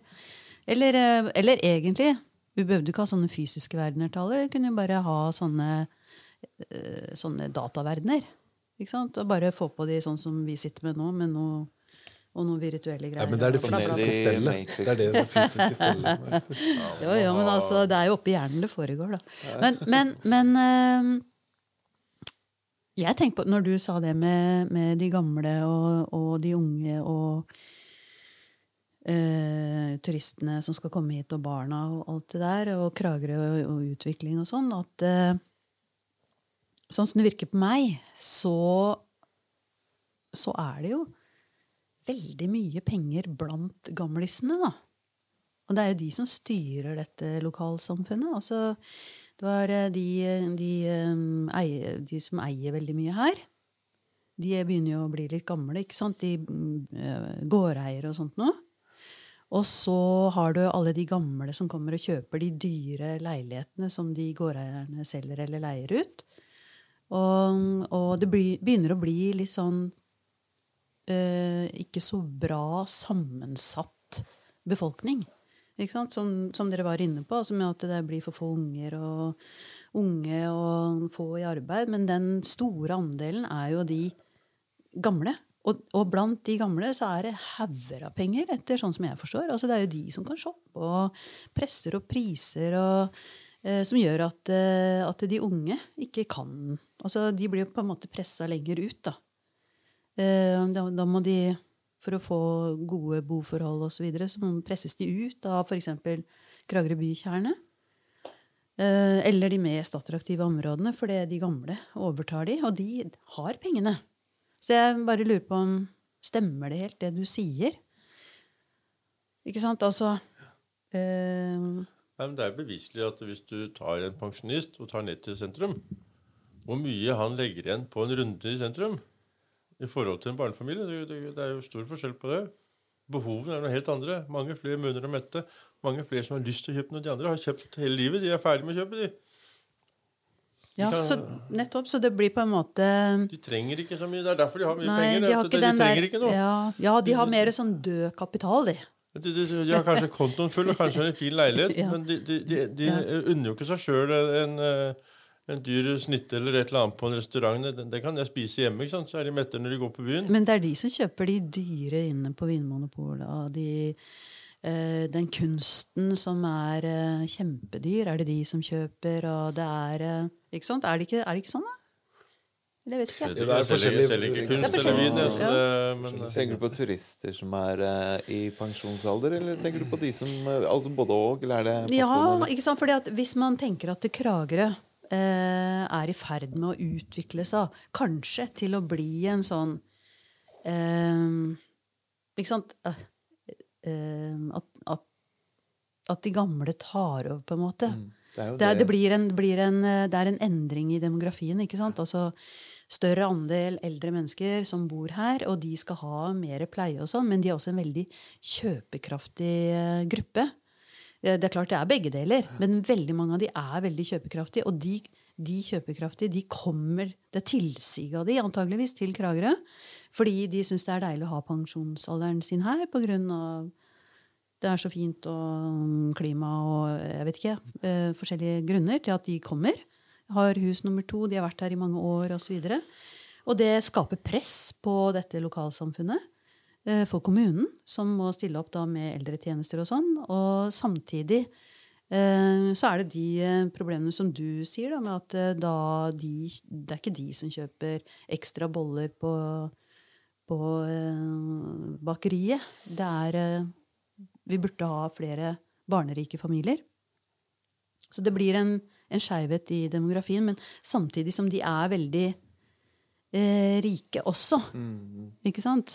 Jeg føler at vi, vi er inne på en sånn eh, diskusjon der hvor på en måte her er det, en, det, er, det kan tilsynelatende være en sånn u, eller, utappet eller uutnyttet ressurs, eller en mulighet, da, som ligger i Kragerø kommune til å så utvikle seg i retning av å ta vare, bedre ta vare på eldre. Og på en måte Kanskje ikke nødvendigvis dementbyer, men vi kan ha det også. Men vi kan også ha på en måte det høres litt sånn apartheid ut for øvrig. Ja, vet du hva, jeg, vet du hva jeg, jeg, jeg, er helt jeg, altså Sånn konsekvens så er jeg jo helt enig med han at vi burde jo hatt, altså med Erik, at uh, vi burde hatt et, uh, et levedyktig samfunn hvor også, hvor også, barn og unge mennesker ja. og uh, familier som er i sin beste alder, har mulighet til å kunne være Altså at de har jobber, at det er gode skoler og, og barnehager og bla, bla, bla. Ja. Alle de tingene. Og det er jo der ikke sant, at vi må ha arbeid. Uh, for, først må arbeid på plass. altså nå, nå bare, Det høres ut som jeg har oppskriften, men jeg tror, er, jeg tror, at det er sånn at man må ha arbeidsplasser for å kunne tiltrekke seg uh, disse barnefamiliene.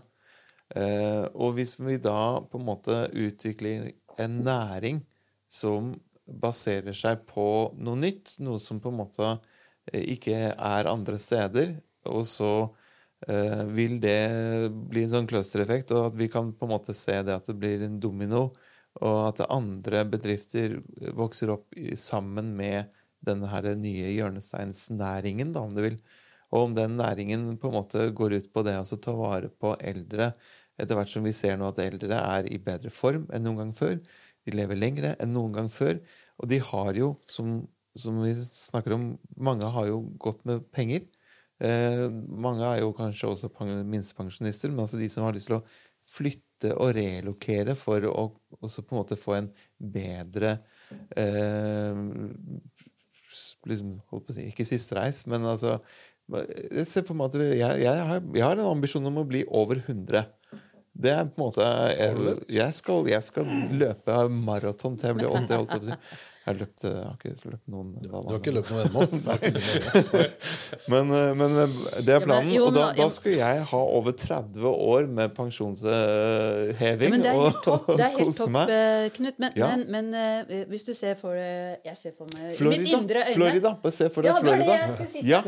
Kragerø, vil du bo der, liksom? Ja, men hvis Christ. det er arbeidsplasser der For det, litt, altså, jeg tenker at det, dette er noe vi ja, men kan utvikle. Vi vil mye heller bo i sånne levende samfunn hvor det er alle alderskategorier, og det er ja, ja, et mylder, enn at du har sånne segregerte samfunn hvor du har eldre som går på sånne stier hvor det er parker, og der er... Jo, men side ved side med de, så er det ja, et, eh, et, foretak som eh, lager Segwayer, holdt jeg på å si, som selger det. Uh, da, og det drives jo da av kanskje noen andre som ikke er så gamle, og så har de barn. Så jeg lurer på om det er liksom en sånn vi må jo bare finne en eller annen løsning som på en måte uh, gir nye arbeidsplasser til denne, dette stedet. Mm. Det, så, ja, så må vi ha noen, eh, noen eh, litt sånn alternative boformer òg.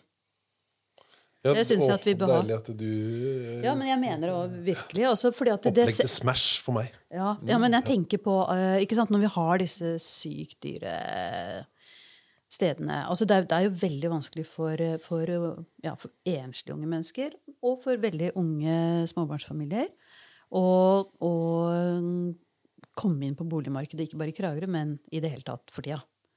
Og på et eller annet sted så må de begynne. Og det å finne Altså, ja. Kan jo begynne sånn med gjenreisinga etter krigen. Man satte inn noen tiltak for å løse boproblemet. Og nå må vi begynne å tenke litt nytt igjen. Og ikke bare pga. etterspørselen, men også veldig mye pga. miljø. og Det er liksom mange utfordringer for tida. Og det at Kragerø må begynne å tenke litt sånn. At vi må komme litt ut av det sporet vi er i. da, Så ikke vi blir en sånn der eh, Hva er det de sier? Granka? Vi må ikke bli Granka. sånn, sånn, sånn der Gran Canaria-sted. Ja, eller sånn, sånn sted. Ikke sant? Vi, for det, vi vil være levende, ordentlig, vi vil være på. Og da, så jeg er helt enig i arbeidsplasser, men jeg tenker også at vi må være litt Tenke litt om boformer. Ha litt forskjellige typer uh, måter å tilby folk å kunne bo på. Um, og at vi vil ha alle kategorier innen, innen hva, hva slags økonomi folk har. da. Og at det er et mangfold og pluralisme og levende. ikke sant? Sånn at det er et ordentlig mm, samfunn hele året. Mm. Jeg, tror, jeg, tror at uh, ja, de må jo ha en grunn til å komme. Ja. Mm. Hvis, hvis det, uh, vi kan ikke bare tiltrekke oss folk som allerede får lønna i posten. Av, av, hvem? Av Posten? Ja, Nei, av staten. I Posten. Av staten. Nei, ja, men det er jo det jeg også sier. Altså, det må være arbeidsplasser. Helt enig. Som, som ja, har enten penger på bok eller får de månedlig uten at de trenger å gjøre noe. Det er en veldig passiv gruppe vi tiltrekker oss. Mm. Det det. Og, og, jeg tror at vi kunne hatt veldig mange arbeidsplasser i kommunen. Du kan jo bare gå gjennom vareutvalget på, på dagligvare. Mm. Og hva, hva er det som kommer over kommunegrensa daglig? Vi hadde jo et bakeri hvor vi hadde 40 ansatte som vi laga til Krøyers befolkning. Det er jo 10 000 mennesker som skal ha brød hver dag. Og Vidar hadde jo omtrent det samme på samme tid. Men det er jo masse arbeidsplasser som er vekk. Men alt brødet kommer fra Og noe til og med vakuumpakka gasspakka fra Polen, og, og noe kommer fra Oslo. Og det er i en tid som liksom kortreist har blitt viktigere Ja. og viktigere. Og så har vi på en måte altså vi har hatt det. Ja, Ikke sant? Men vi, vi ønsker ikke å, tilrettelegge for det eller ha Er ikke sterke nok til å stå imot. Kjedene bestemmer. Og vi, kunne, vi har jo Valfoss der, vi laga papirråvarer. Vi kunne jo laget, hatt en egen toalettpapirfabrikk. Og så kjørt ut de rullene. Og vi kunne hatt eh, eget lite meieri hadde vi jo før. Vi laga melka sjøl, Kragerø-melk. Eller vi kunne jo hatt de basic tinga som folk trenger hver eneste dag. Hvorfor kan ikke de gi arbeidsplasser i kommunen? Jeg syns du har gode spørsmål. Ja, det er eh, Er det så vanskelig å blande litt mel og vann, og så, og så har du brød ferskt laga til, til byens borgere?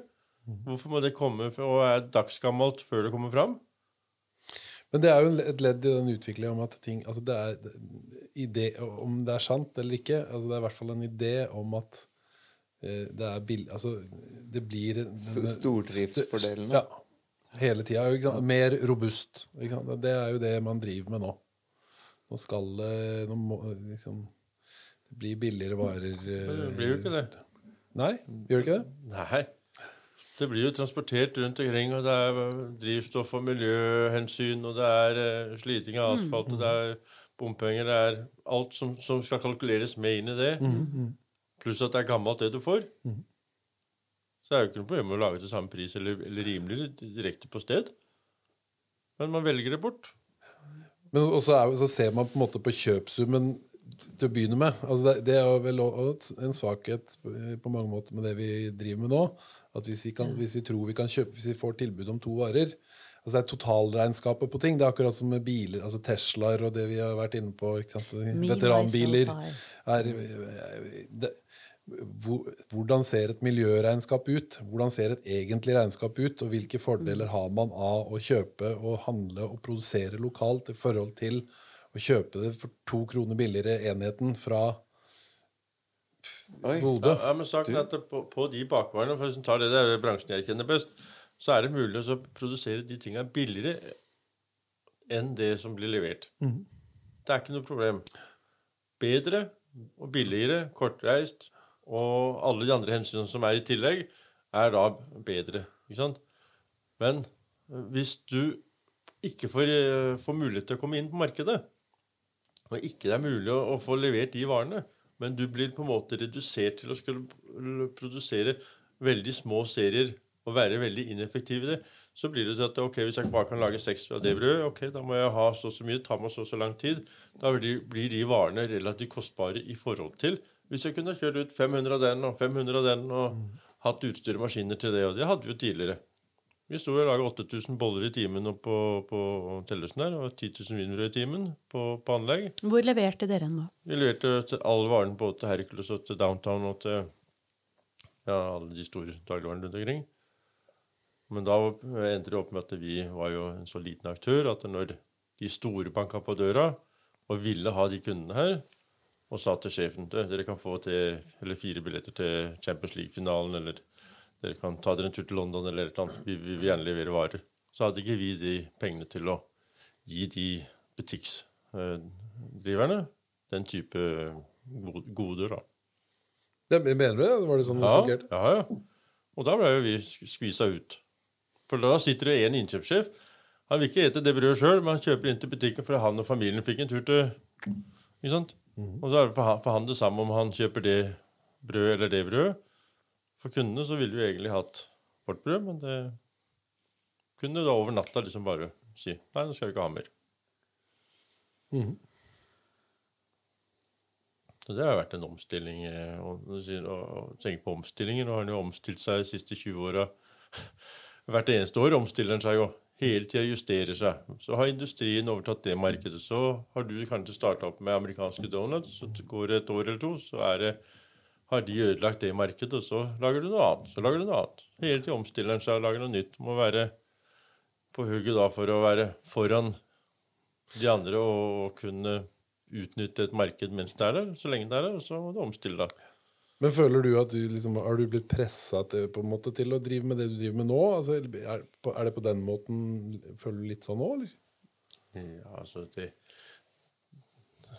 Du ser jo det rundt i gatene. Altså, det er jo ikke til å stikke under stol at eh, på sommeren så har det vært, vært en økende periode, og det, det har vi kanskje utvikla, eller det kommer stadig flere til det, til det. Men vinteren, den er eh, generelt nedadgående.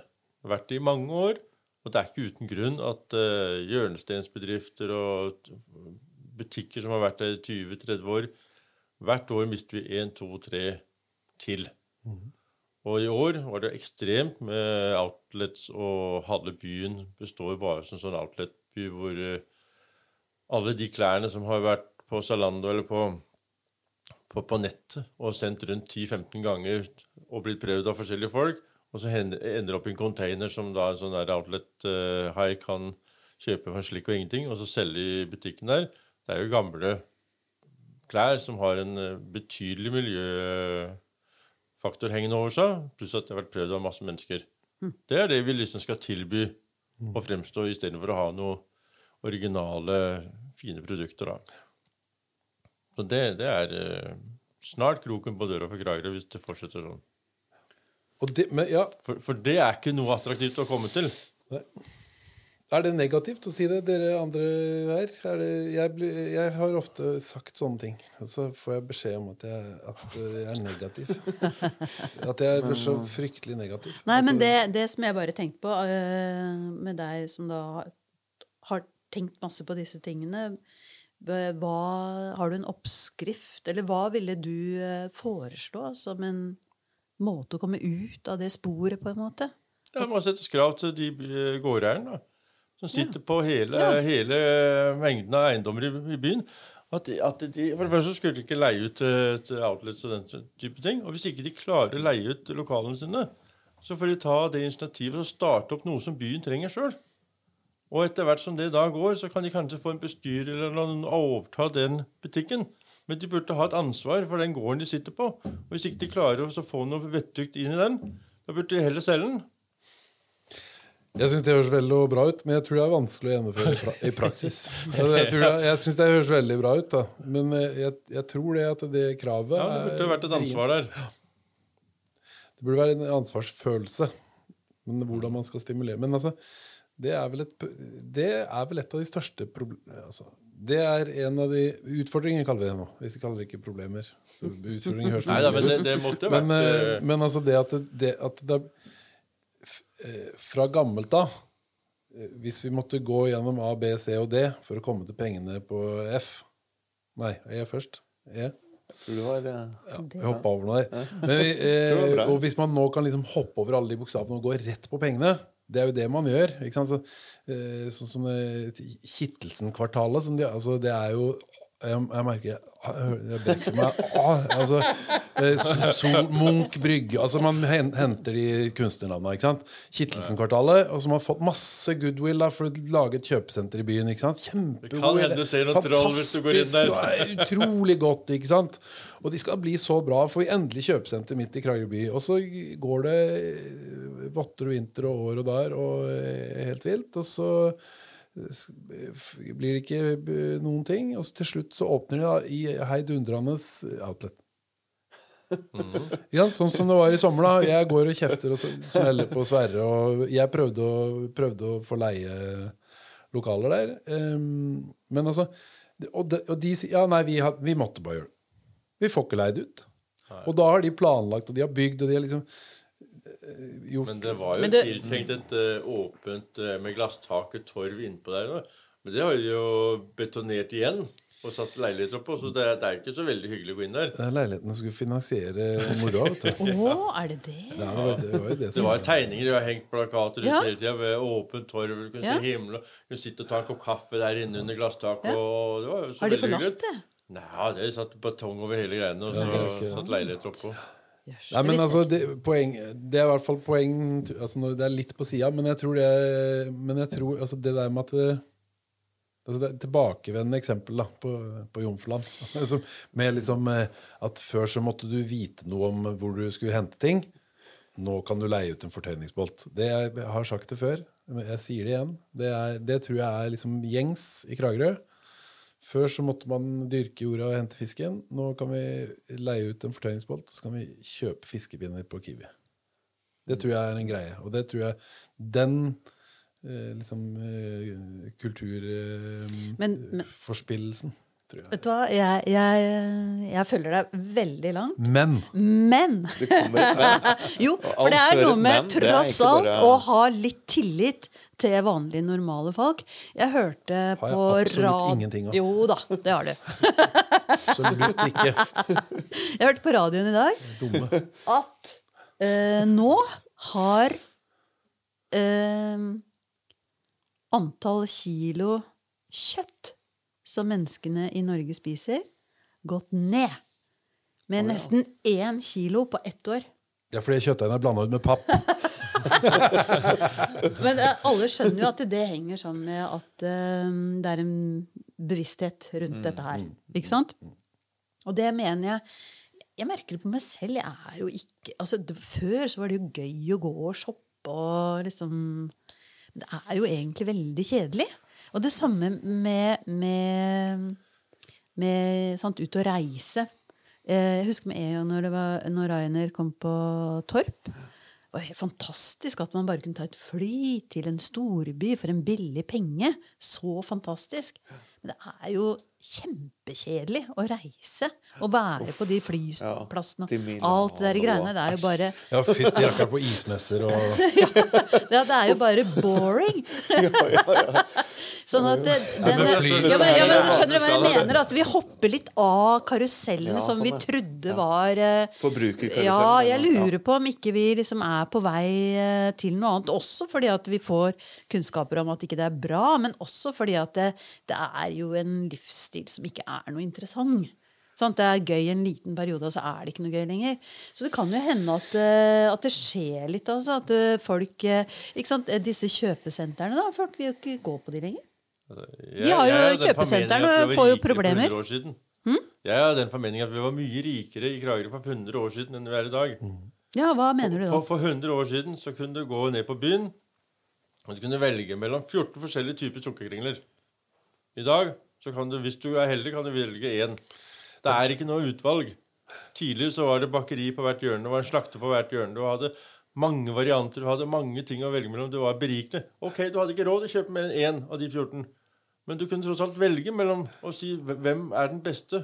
Kunne du si til deg sjøl. Her har du ikke noe valg hva som er best. Det er det eller ikke noe. Det er så deilig at du måler rikdom i sukkerkringler. Ja, det er, helt, så godt det er Det er så veldig kult. Det er så kult. Ja. Det er en, eh, en annen eh, måte å tilnærme seg Det er Men den det er akkurat eneste samme. riktige måten. Men jeg er helt enig med deg. Og akkurat den tida der det, eh, Nå skrev jeg litt om, det, om Kragerøbanens tilblivelse, og jeg vender tilbake til den en svunnen tid. Men eh, akkurat den tida der, altså når du sier for 100 år siden, da tror jeg det var en helt unik stemning i Kragerø. Man hadde fått Kragerøbanen. Og det var så, altså det Jeg leste noen av de festtalene i forbindelse med åpningen av Kragerøbanen. Og jeg har sett noen av bildene altså, og det oppmøtet som var, og den entusiasmen som var i Kragerø på den tida der. Den tror jeg var helt jeg tror jeg helt enig med. Jeg tror man var rikere på alle mulige måter, både i forhold til sukkergringler og, og torsk og fisk og kultur og penger og initiativ og framtidstro. Det var, det var forbundet med en sånn helt uh, Nå! Nå tar det av her, liksom. Ja. Det tror jeg virkelig det var på den tida. Og så er det jo en ting med at jeg tror Kragerbanen kom liksom en sånn 30, 30 år for seint i forhold til at de jobba, jobba veldig lenge med å få den til. Men, eh, men det eh, jeg, jeg tror det var en helt unik tid. Eh, Og der, og der håper jeg det kommer en Lars-Erik Våle og en Ulf Hamran og hamrer meg ned og sier at eh, der tar du feil. Det, er, det var Jeg fikk 1904. det ble hamra ned her, og når jeg nevnte det på et eller annet eh, sted jeg var, og noen dinosaurer i politikken, da var det bare Hva da? Hva nevnte du da? Hva var? Nei, nei, jeg nevnte på at vi var rikere før. Sånn. Ja. Da ble det tatt fram noen andre herseteknikker og noen eksempler på noe som en kolonialforretning. Hvis du bare hadde en familie til, så kunne du klare deg. Liksom. Det, er, det er ikke det det handler om. Det handler om at det hjelper ikke at du har 1000 kroner i lomma, men det er den samme skiten du kan kjøpe alle steder du kommer. Du kan ikke bruke pengene dine til noe. Nei. Men da er det bedre å bare ha akkurat nok til én, Ja. og så kan du velge. Det må være en, en mer rikdom, iallfall i mine øyne. Det er jo ulik type rikdom og ulik type fattigdom. Men jeg, jeg tror at uh, man kan se eksempler på at eh, at eh, altså kultur og kunnskap utarmes til fordel for liksom konveniens. Er det noe som heter det på norsk? Convenience. altså beleilighet. Bedagelighet. Beleilighet. Ja, men det er noe som vi reiser til en storby, så tenker vi ah, det er fantastisk i Paris. ikke sant? Det er så mange bakerier, det er så mange muligheter. Vi kan smake det i dag, vi kan smake det i morgen. vi kan, sånn. Og her hjemme så er det akkurat det samme, uansett hvor du går. Bortsett fra hos deg, da. Ja. Derfor så er det blitt en destinasjon. Det er sant. Eneste Playmobil-butikk i Norge. Eneste sted nesten som kan få sånn god is. Og folk kommer ekstra for å oppleve det. Og de som er på ferie, jeg merker jo det, de kommer inn med ungene sine, og kanskje er fem stykker. De kommer hver dag i ferien. Alle skal få lov til å få to kuler hver. Hele gjengen. De spiser is til frokost. Alle skal ha det hver dag i den ferien. Og de spiser, og bilen står og putter deg på utsida når de skal hjem. De må ha den siste isen også, ikke sant? Det er eh, Ja, så det, det er klart at det er eh, en attraksjon for eh, Men, men kan, byen kan liksom ikke bare bli pølser og is til slutt. Vi må ha andre ting òg. Det må være andre ting òg. Bærekraften liksom, Jeg kan ikke være iskuler og Brubakkens pølser. vi må ha annet, annet å skilte med. Nei, Jeg tenker at det, er med Det er en grunn til at det, det er blitt sånn nå, da. Det er jo noe med teknologisk utvikling og eh, automatisering osv. Dere Du representerer jo en, en type eh, tilnærming til, eh, til det hele, der hvor du eh, Du lager alt selv og selger alt selv. Eh, det gjør vel også til dels Brubakken. Jeg vet ikke om han har noen andre produkter. Eh, men det er, det, er, eh, det er jo en sånn tid som Eller noe Det, det representerer noe som på en måte eh, var mer vanlig før. Eh, nå er det jo mer vanlig med at du, man åpner en sjappe, og så får du tilsendt produktene du skal selge. For det er mangel på know-how. Når Ja. ikke du kan bedre, ikke du vet bedre, Ja. så må du få noen andre til å gjøre det, og så må du videreselge det. Men det som er, er eh, så- sikkert for Brubakken også, så for meg og en som er fagutdannet og som har den bakgrunnen, det er jo at vi ønsker å være effektive. Vi ønsker å kunne produsere så fort, så mye, til en så god kvalitet, at timelønnen vår er, ikke står tilbake for noen yrkesgrupper i, i samfunnet. Og da har jo selvfølgelig noe hjelpemidler. For i det øyeblikk du bare er idealist, og du har en drøm, og du skal ha blogga, eller du skal stå og rote med noe med noen kjøkkenmaskin som en husmor kan gjøre, sånn, så blir det bare en idé, en romantisk drøm, som koker bort når lommeboka er tom. For det blir ikke noe ut av det. Og det er jo en unik omstilling som man da har måttet igjennom mange faser og mange investeringer for millioner av kroner i utstyr for å kunne skape sin egen arbeidsplass og kunne overleve og se framover og vite at eh, jeg kan tjene like mye i timen som en advokat når jeg og mitt utstyr det står og går. Og det er litt viktig. At, eh, at man ikke bare står og, og At det er en hobby og leker. Man kan ikke leke butikk. Det er eh, liv og død hver dag.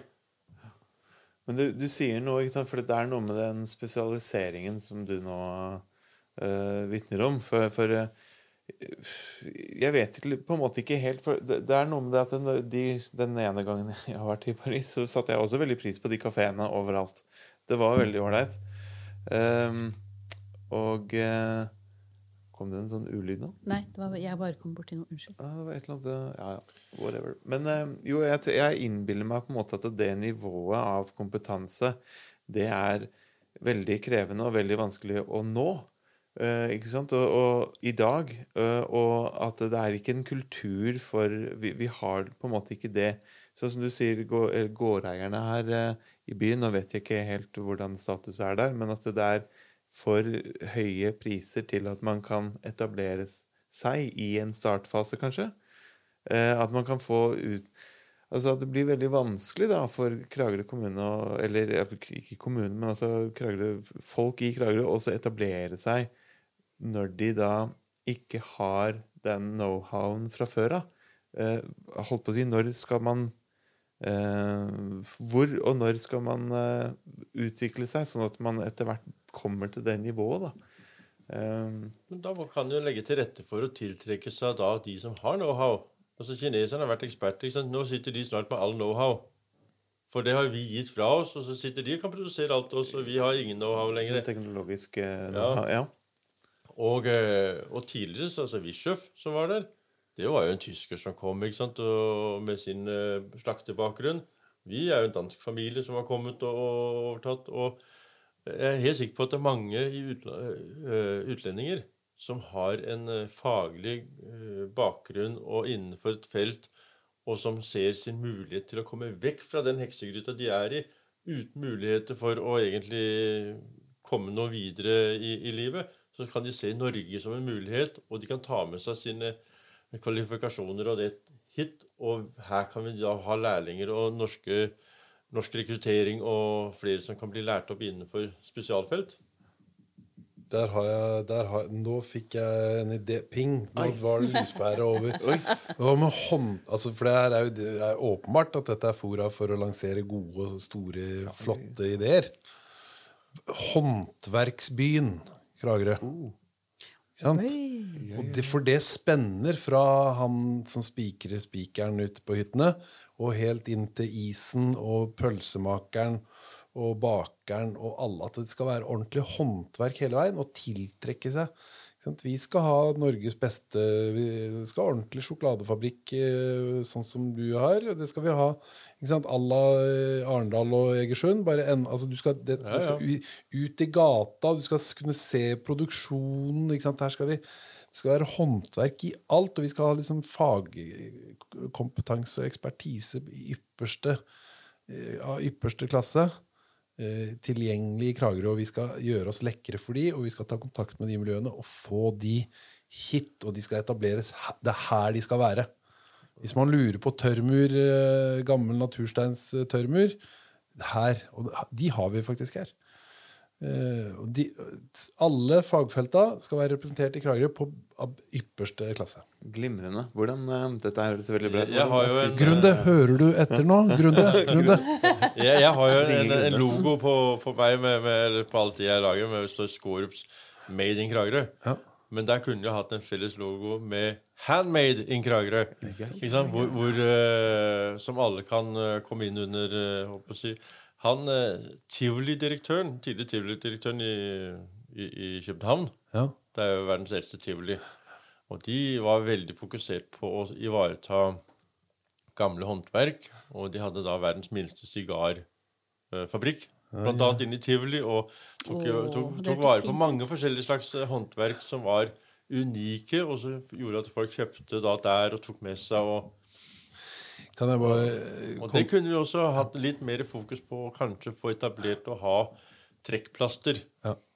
For øvrig en veldig god Det er en liten digresjon med tivoli i København. Som er verdens eldste tivoli, som du sier. Øh, og som er aktuelt for Kragerø. Du ser på tivoli i København, og, altså som en fornøyelsespark, og Tusenfryd Norge. Hvis noen har vært på begge de stedene, så ser de for seg litt. Og så, Det er litt det bildet på eh, hvor, som Kragerø som helhet. da, hvor, Hva har vi lyst til å være? Har vi lyst til å være tivoli i København, der det er magi overalt? Der, det er, altså der du går rundt og du, i spøkelses... Det er noe, det, er noe det, det, det oser noe fra bakken. Det er et eller annet, det er en park. Altså, og mens du da eh, på, hvis, For de som har vært på Tusenfryd, du med småbarn, Knut, har kanskje vært der? Eh, ikke med småbarna, men eh, kona mi er en uh, iuga Tusenfryd. eh, Ja. eh, hun har jobba der som uh, Så nå ikke, ikke okay, skal snakke ikke si, eh, nå skal jeg bare si dette vonde om Tusenfryd, og så skal jeg aldri si det noe mer. Men, Det eh, er greit. Ja, ja. Nei, jeg, jeg var et, et fripass. Ja, kjempefint. Nei, jeg, nei, for jeg har vært på Tusenfryd, og jeg føler som jeg var en sånn eh, jeg, jeg hadde solbriller på meg, og det var jeg veldig glad for, for jeg grein. Når jeg var der inne, så lei meg ble jeg når jeg gikk der inne. For det, men det, det er sånn ute i furuskauen, sånn innhegna eh, sånn, Veldig til forskjell fra tivoli, som er en sånn naturlig del av byen København. Selv om det er lukka, da, så er det jo en sånn naturlig del. Mens i Tusenfryd er liksom lukka inne bak piggtråd og bare sånn, du blir liksom kjørt ut i skauen, og der, her skal du ha det moro. Og så får du kjøpt det her påfyllingskruset som du Og så har det Kanda-pølser, og det er, altså det er eller sånn Larviks liksom én leverandør. Der er det det, det samlebåndsprinsippet tatt til maks. Det er ingen diversitet. ikke sant? Det er ingen, alt er sånn enspora. Jeg, jeg tenker at de er sånn skikkelig motpoler.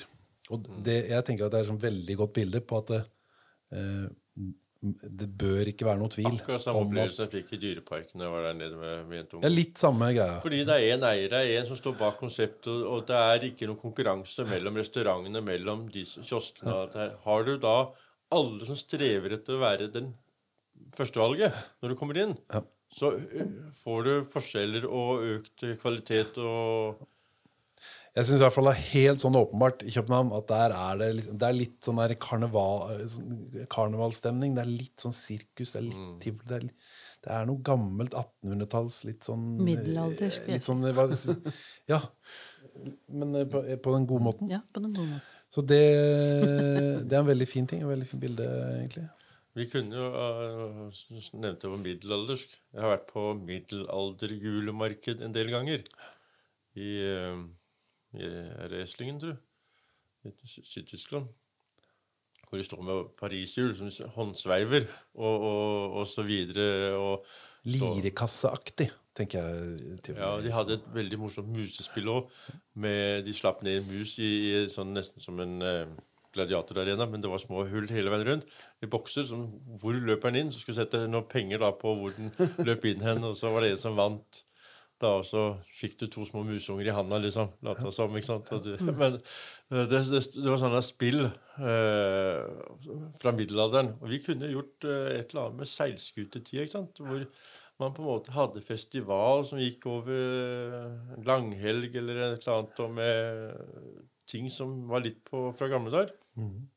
De hadde et, eh, en, en bane hvor du hadde et, et hardkokt egg som var, sto bare litt ned i en fordypning, og så skulle du hive da en, en stein eller eller annet, en potet eller et eller annet bort for å treffe det egget. Det var en enkel lek. Det kostet ingenting å sette opp. ikke sant? Men det var jo moro å prøve. Og, og sånn var det jo stadig forskjellige ting som de hadde av leker fra middelalderen og sånt som Og ungene kunne vært kledd ut, og de kunne vært ja, alle som var der, de var jo også kledd ut. håper. De hadde badestamp. Folk satt jo splitter nakne oppe i- midt på torvet ikke sant, og bada. det var notert rundt der før de gikk oppi, da, men det var jo masse sånne morsomme, annerledes opplevelser. da. Jeg tror vi søker egentlig å oppleve noe annet enn det vi gjør hver dag. Så kan man skille seg ut og gjøre noe sånt spesielt, så kunne man jo ha fått valfarting til Kragerø. De har jo sånn, I Fa- Farsund så er det jo kaperdager. Mhm. Har dere hørt om det? eller? Kaperdager, er ikke det sånne Sånne Det er jo fra det nærmeste vi kom sånn sjørøvertid. Ja, ikke sant? Ikke sant? Ja. Så de har, det- de har det hver sommer. Det er deres uh, greie. Og det er en stor greie der nede, vet jeg. Kaperdager. Uten at jeg fikk det med meg noen gang. Men vet Men jeg tenker det er litt sånn eh, Unnskyld, nå tok jeg over, Knut. Men det er den derre Daniel. Han er jo en eh, representant for alltid å skue bakover. Er jeg det? Ja, det, du gjør det hver gang. Du vil tilbake til eh, Hva er det du snakker om nå? Det er bare å sette Det her må jeg kompensere sporet. for. Nå blir jeg snytt. Nå kommer jeg til å ta igjen med bare sånne Ja, men? Ja, men, ja, men, ikke sant? Nå, nå har du snakka om eh, Hvis du skal sammenligne men tivoli i København Ja, men bla, det bla, hyggelige bla, det er nå! Det- er nå! Det, det hyggelige å tenke på er jo at, det, li- at, at Ja, men verden altså, er er bare karusell. ja, vi, vi ender opp der ja, hvor du starta. ja. Men, men det jeg bare tenker, er at eh, jeg har lyst til å bo i en by som er en Eller jeg har lyst til å være i en virkelighet som er en del av virkeligheten. Jeg vil ikke inn i en nostalgisk kulisse som er noe som var. Jeg vil være nå. Skjønner du hva jeg mener? Men det er ikke noe forskjell. Det er ikke, det er ikke noe Jeg overdriver, jeg overdriver, jeg overdriver. Jeg vet jeg overdriver. kan, da kan jeg fortelle deg hvordan virkeligheten er. Jo, men jeg mener at man skal protestere på vi- vi- noen vi- deler av virkeligheten. Men jeg mener også at Vi, vi eh, var på er en eh, ferie i, i Danmark, på Lolland Falster, og reiste rundt til alle de forskjellige litt større byene på Lolland Falster der. Og det var eh, uten unntak så hvert bysentrum Det var Alibaba kebab. Det var en eller annen sånn Don Dinos pizza. Det var noe tagging. Det var en sånn Sugar Candyland, et eller annet sånn uh, syntetisk godteri som også er en eller annen uh, ikke-dansk dreiv. Det var uh, Hassan frisørsalong. Og, og det var bare den type ting. Tomme lokaler. Og ellers niks. Det var ikke noe særpreg. Det var ikke noe det danske. Det var Nei, men- ikke noe ordentlige bakerier. Det var ikke de, de tinga. Det var langt imellom. Og det skal ikke veldig mye til før Kragerø, Risør, Arendal Sentrumet ser sånn ut. Men når dere snakker om at dere vil f.eks. For ditt forslag da, om å lage håndverkerbyen, håndverkerkommunen, så er det vel og bra. Jeg har ikke noe imot det. Og Men veldig impulsivt, altså. Det er jo Det- ikke gjennomtenkt. det jo, jo, jo, men, altså, nei, men jeg bare kom med noe innspill, for det ehm, Jeg tenker at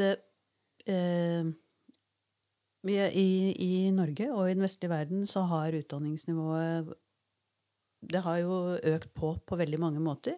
Ja, men det har tatt tapt mye òg.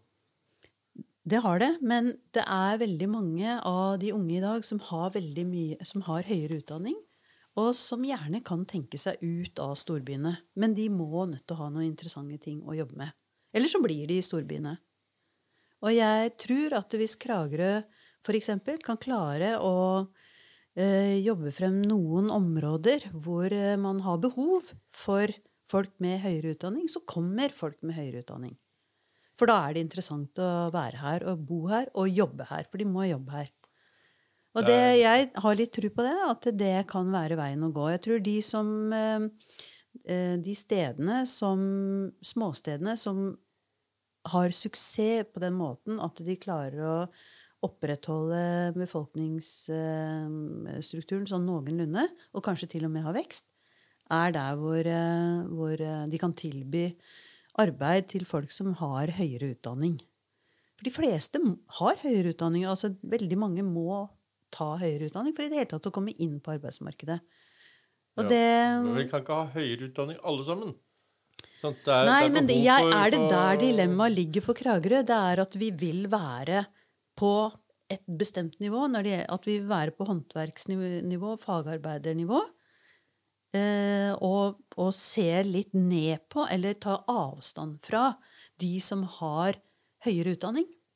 Eh, Jeg vet ikke, kan godt hende jeg tar det litt feil til meg, som en sjikanering av at håndverkere har lavere utdannelse, at de er mindre intelligente enn de andre. Det er ikke det, for de sitter med know-how. Det er de som er gründere, det er de som former samfunnet. Men uh, er, er det, jeg- jeg jeg lurer på om du ser litt opp For, for de andre er bare slaver av et system. Ja, hvor men- de tar en utdannelse, setter men, seg inn på en eh, pult, er og der sitter de uten eh, Men hvis du mulighet tar, å tar innenfor f.eks. innenfor digitalisering Hvis du tar innenfor rakettforskning altså Det er veldig mange områder innenfor eh, enormt mange forgreininger. Så er det folk med veldig høy utdanning som skaper nye arbeidsplasser.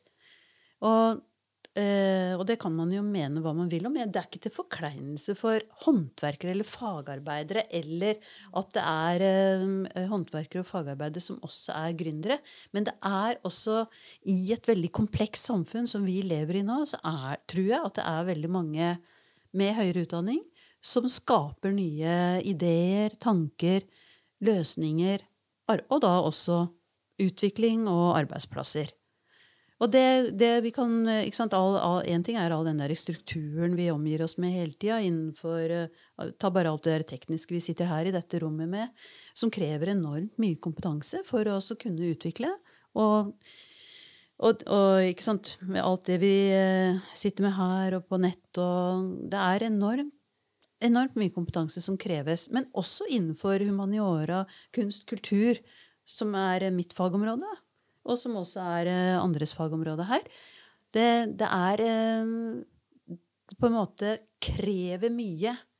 Og jeg tror at hvis eh, Kragerø kan være litt åpen for å ta imot den type, og utvikle den type arbeidsplasser også, da mener jeg ikke eh, at man bare så vidt skal bre om seg og prøve å få alt mulig hit, men kanskje prøve å, å finne Satse på noe, Hvem skal finne det ut? Nei, det er jo de som bor og lever her, som kan engasjere seg i det og prøve å finne ut hva vil vi. Men der, der er jo inne på en sånn altså, Det ene fortrenger vel ikke det, det andre Nei. av disse ideene. Men Det kan Ja, være så, helt sammenfallende for Ja. den saks skyld. Så- Men jeg mener, jeg mener så jeg, det var bare det jeg ville Ja. si, at det, det er litt oppkonstruert at det er det ene eller det andre. Nei, men jeg, jeg tror at det som på en måte Digitalisering, som du nevnte, for eksempel, det er ikke avhengig av om du sitter her eller sitter der. Mm. Det kan hende at det er avhengig av at du sitter ved siden av den flyplassen som skal eventuelt av og til ta deg til Houston eller til rundt omkring. Og da er det geografien som spiller inn også. at Da trenger du ikke sitte i Kragerø. Da kan du like å sitte et sted, et senter, og være i nærheten av der hvor den trafikken foregår. Enten i nærheten av Gardermoen eller kontakten til verden og alt det du skal. Det er mer praktisk. Sånn, det er, det er Du kan noe- også i mange tilfeller være i Kragerø, da. Ja, det, ja. Men kanskje ikke du trenger å sitte på et kontorkompleks. Du kan sitte ute på hytta. eller sånn. Nettopp, Men, men, ja, ja. men det, det, det skaper ikke den herre Sånn som vi tidligere hadde Tangen, vi hadde Myllys, vi hadde flere bedrifter, så det var mange som gikk og var sammen. Det var ikke Jeg kunne for godt Nei, tenke meg, nei, det er jeg enig i. Det er under omstilling. Jeg kunne godt tenke meg å skape et uh, slags håndverksindustri, et opplegg hvor f.eks. du har en haug med kuer, telemarkskuer, kunne ta vare på det ute på et jorde.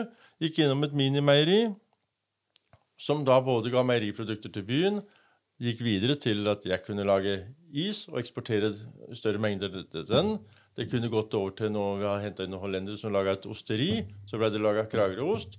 Og så hadde det flere sånne. Vi hadde felles eh, eh, spiserom og, og kompetansesenter, si, hvor vi kan dele erfaringer osv. Og, så videre, og man kunne skape kortreist, eh, originalt. Det var arbeidsplasser, det var Hva tror du er de største hindrene for det? Hva, hva er det som står i veien for å få til noe sånt? Var jo noen Det er jo egentlig ikke noe hinder for det. Annet enn at uh, man trenger å få de som har lyst til å være med på den samme ideen. da. Du trenger jo en som har greie på kuer. ikke sant? Jeg har greie på isen. Du må ha det mellomleddet hvor, hvor råvaren blir foredla til noe jeg kan bruke. Og, og så må det da hentes inn noen som kan Igjen, det det er jo stadig en eller annen som uh, får priser fra Norge da, internasjonalt i oster og sånt. Det er jo litt i skuddet. Og hvorfor kan vi ikke skape og få til noe her, med de eh, naturlige mulighetene i terrenget her, og med, med den, eh, de som bor her? Hvorfor skal vi ha bare sånn helt uh, vis, virtuelt et eller annet som ikke er til å ta og føle på? Jeg tror at det kommer mye mer det her, De skilte jo med nedover i Italia også med null kilometer. At varen ikke har reist. ikke sant? Den er lokal. Hvorfor skal vi få det fra den andre sida av jordkloden? Det er uh... Så det som skal til i en sånn sammenheng, er en sånn type Er det ikke noe som heter sånn reko eller repo-ring, eller hva, hva er det det heter? Reko- Reko-ringen. reko du kan, kan sende ut uh, varer der, og, og det er fint opplegg, det. Hvor du kommer direkte i kontakt med produsenten og kan Ja. bestille da via nett, og så er det en fast tid og dag som eh, firmaet kommer, og du kan hente på din, i din by da, på en eller gitt plass. da. Nettopp, nettopp. Men jeg, jeg tror eh, mange av ungdommene jeg har hatt og lært opp er 14 lærlinger som har tatt fagbrev i baker og konditor i løpet av de åra jeg har holdt på, og har vært på en god del sånne yrkesmesterdag. Og at det er, eh, det er skremmende å se hvor mange ungdommer som ikke tør å følge hjertet. Sånn, man tør ikke å bli best i det man brenner for. Man ser på hva gir den, det yrket der. Hva kommer jeg til å tjene? Hva slags liv kommer jeg ha til, til å ha materielt? Klarer jeg å kjøpe det huset, ha den bilen, ha de tinga der? Bo det stedet? Da velger jeg å bli det. Så studerer jeg det, så blir jeg antageligvis noe som har en såpass tjukk lommebok. Og hvis jeg studerer det jeg kanskje egentlig innerst inne brant for, så er det helt usikkert. Men da er jo den usikkerheten det er jo bare å gjøre seg så god du kan til nettopp den ting du brenner for. Og er du bare god nok, så vil du ha suksess. Det tror du på. Er det noe med det? Alan Watts uh, predikerte jo det, holdt opp å. Pratet veldig mye om det. At vi reproduserer på en måte elendighet i, i samfunnet vårt med at eh, vi, mamma og pappa utdanner seg og har en, en type arbeid, og, og så er de kanskje ikke nødvendigvis så fryktelig lykkelige. Men de ser det at eh, de har jo fått arbeidet og, og lønningsposen. Og, og så forteller de barna sine at eh, dere må gjøre det samme. Altså, jeg husker så godt min far han sa du Knut, du kan ikke gå og studere russisk. Det er ikke noe penger i å studere russisk. Tenk litt på det i ettertid. men, eh, men uansett eh, det, det å legge til rette for en sånn type utvikling eh, Jeg hører bare legger merke til annet at du snakker om at vi kan da selge den osten også ut av Kragerø. Det er jo en sånn eksportbransje du også legger opp til. da, altså En sånn Ja, ja, en brand hvorfor skal vi være importøren hele tida? Hvorfor skal vi eh, sitte og gi fra oss alle pengene til andre som skal tjene på oss? Ja. Det, må, det må snu. Vi må tjene på de men, andre. men, det bør, men det bør vel være Det vil være på en måte Jeg tenker litt sånn i den forstand eh, alle, hele, hele Distrikts-Norge er jo i ferd med å bli fraflytta, eller store deler. Eh, og hvis alle gjorde det samme, da? Hvis alle tenkte ok, la oss bare bli eh, fryktelig gode på ulike håndverkerdeler, og så selger oster, så skal vi eksportere, så er vi avhengig av å kjøpe hverandres oster. da Uh, og da er vi jo på en måte litt i samme mangfold, da. Ja, det tror jeg på. Ja. Ja. Det er jo det det handler om, å få et mangfold hvor industrien har gått inn og har monopol. Det er den samme pølsa du kjøper overalt, eller, Mm. eller eh, skinka eller hva det er. Det er noe Det er, det er pakka i forskjellige pakker med forskjellig label. Mm. Noe heter First Price, men det er egentlig den samme. Men bare da kan de selge den billigere. For da kan du Ja, det er eh, Men det er jo i prinsippet det å gå vekk fra stordrift og så gå ned til eh, litt mindre bedrifter igjen, og så eh, at man gjør det selv, og at man gjør det riktig faglig fra bunnen av. du har verdiskapning Mm. i lokalmiljøene. Sånn, Det er det, det er ikke noe verdiskapning igjen snart. Vi må ha verdiskapning hvis vi skal få Mm. det bedre. Jeg tenker at det er en sånn eh, Jeg har veldig lyst på det du prater om, men jeg ser for, liksom for meg at det du, er imot altså, ja, men la, oss, utviklingen. la oss diskutere det her. Hva er det som er verdiskaping? Hva er verdiskaping? Er det, er det i det øyeblikket du har produsert noe, og så har du solgt noe, og så er det det du sitter igjen med, eller samfunnet sitter igjen med? Er det det som er verdiskaping? Ja, verdiskaping? er at når du ikke har et produkt, til at du har et produkt. Da har du hatt en Men, men eh, hva er et produkt? Blir jo da det neste spørsmålet. Er det noe fysisk håndfast noe? Nei, det, det behøver det ikke være. Ikke sant? For det kan være masse brain power, for eksempel. Ja, ja. ja, ja. Og det, det er jo kanskje der eh, ikke sant? Både innenfor service, tjenesteyting Det er jo eh, ikke håndfast. Ikke sant? Eller det kan være, være eh, innenfor eh, forskjellige typer vitenskaper. Sånn at jeg, jeg føler at vi snakker liksom Men er du grafisk designer på en måte digitalt, så er du også håndverker. måte? Det er jo et håndverk. Ja, det er det også. Uansett hva du da gjør, så ja. skal du jo på en måte kunne betjene utstyret ditt og være kreativ og få fram et produkt. og Enten det da kommer på trykk eller hva det kommer seinere. Men uansett så er det jo et, et eh, håndverk som du må mestre og være god i. Og det må vi jo kunne tiltrekke oss da, at det er ikke bare at vi tørker hverandre i rumpa, men at vi også Nei, en sant, altså- produserer noe vi kan selge til andre. Så Jo. pengene kommer til kommunen. Ja. Så ikke vi er på Robek-lista før vi vet ordet av det. For at det er ikke noe verdiskapning igjen her. Ja. Nei, det, det er, altså, vi har jo hatt uh, store båter som har gått ut slippen her, og det har kommet millionbeløp inn, store kontrakter. Det er, hvor, hvor er de hen? Kjettingfabrikken er jo vekk fra hellet. Har jo lå på Kik- nå, da, men det er jo Nei, men jeg er bare litt opptatt av at hvis man kan tenke, også i Kragerø, at um, verdiskaping handler veldig mye om kunnskap. Uh, og at uh, kunnskap uh, gjør, blir gjort om til verdiskaping, men det er en annen eh, næringskjede enn uh, en f.eks. når man har et, et håndverksyrke. Men det er, ikke noe, det er ikke noe dårligere, det gir ikke noe dårligere inntjening til et lite samfunn. Sånn, Man må ikke heller, eh, Sånn som jeg føler at Nei, ofte er blir vi eh, ja, Der er en Både òg. Er det Ja. det? Vi har kommet frem til, alt det er jo lurt det, med å tenke flere næringer, da. Og brain power, som du sier. Håndverk fra den andre siden. Uh, begge deler er det vel uh, Og man, den ene avler vel det andre, sånn i, i, i det store Det er sånn at man opplever en sånn at, eh, at når, når smarte hjerner møtes eh, på tvers av eh, sektorer, så, så kommer det spennende nye produkter ut av det. på en måte. Det kan jo Men, men hva er de smarte hjernene egentlig går ut på å Ja, De er håndverkere også. Jo, men, sagt. men, men la oss si at sånn som i Danmark så har du da et De er jo verdenskjente for design. De har masse gode designere som har laga design på møbler, design på ditt og datt. Men det er fint at det er noen få da som sitter og er kjempegode på designet. Men hvem er det som lager skitten? Det er Kina. ja. Det er der de går I fjor så gikk det 90 millioner mennesker fra uh, arbeiderklasse til middelklasse. Og det, det spås en boom i kinesisk turisme etter hvert som kommer. For at plutselig så får de alle sammen råd til leilighet, de får råd til en bil, de får råd til å fly og se verden. Så det er der verdiskapning er. Den store, da.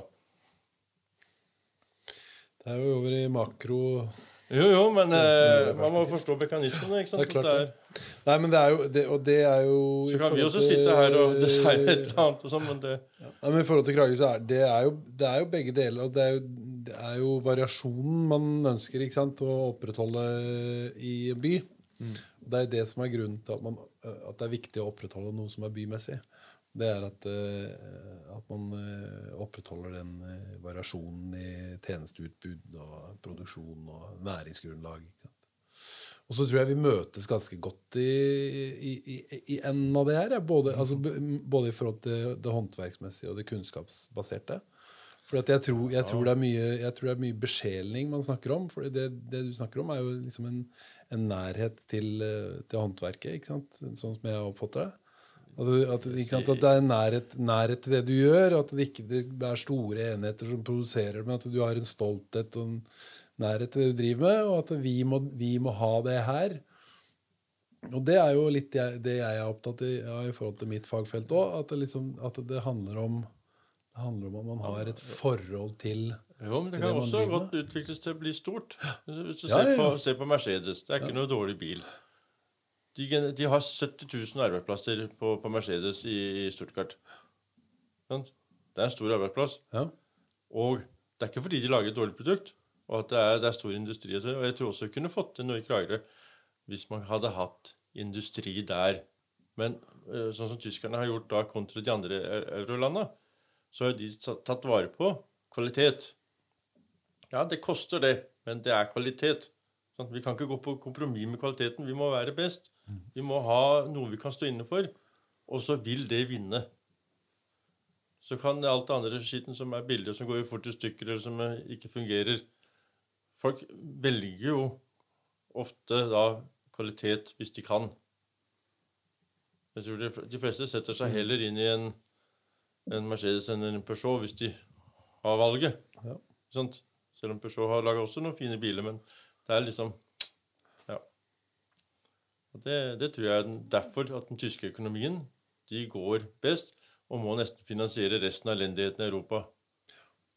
Men der òg er litt eh, artig, for det, eh, det snakka vi litt om jeg, jeg, jeg går i surre her, men eh, jeg tror altså Jeg har også hørt om det, liksom det økonomiske lokomotivet som Tyskland er bestandig. Og så hørte jeg om en fyr som ikke var så ulik meg. og Det var grunnen til at jeg la merke til han. Og han hadde da Han hadde tre jobber. Jobba egentlig døgnet rundt. Men han klarte bare så vidt å betale leia til livets opphold. Fordi at det, liksom, minstelønna er ikke, ikke Berlin. Altså, og da, kan du, da er det ikke så rart at du er et økonomisk lokomotiv hvis ikke du betaler de som jobber eh, lønn for det de gjør. Hvis, de jobber, hvis de må jobbe 20 timer i døgnet, så kan du være et økonomisk lokomotiv, for da har du på en måte en kjekk eh, form for slaveri. Altså i, Det er, i det er ikke noen uh, land som er uten mangler.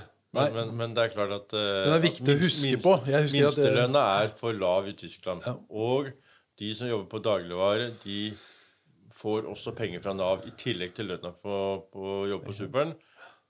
Så staten indirekte subsidierer at eh, eh, Tyskland har de laveste matvareprisene i Europa.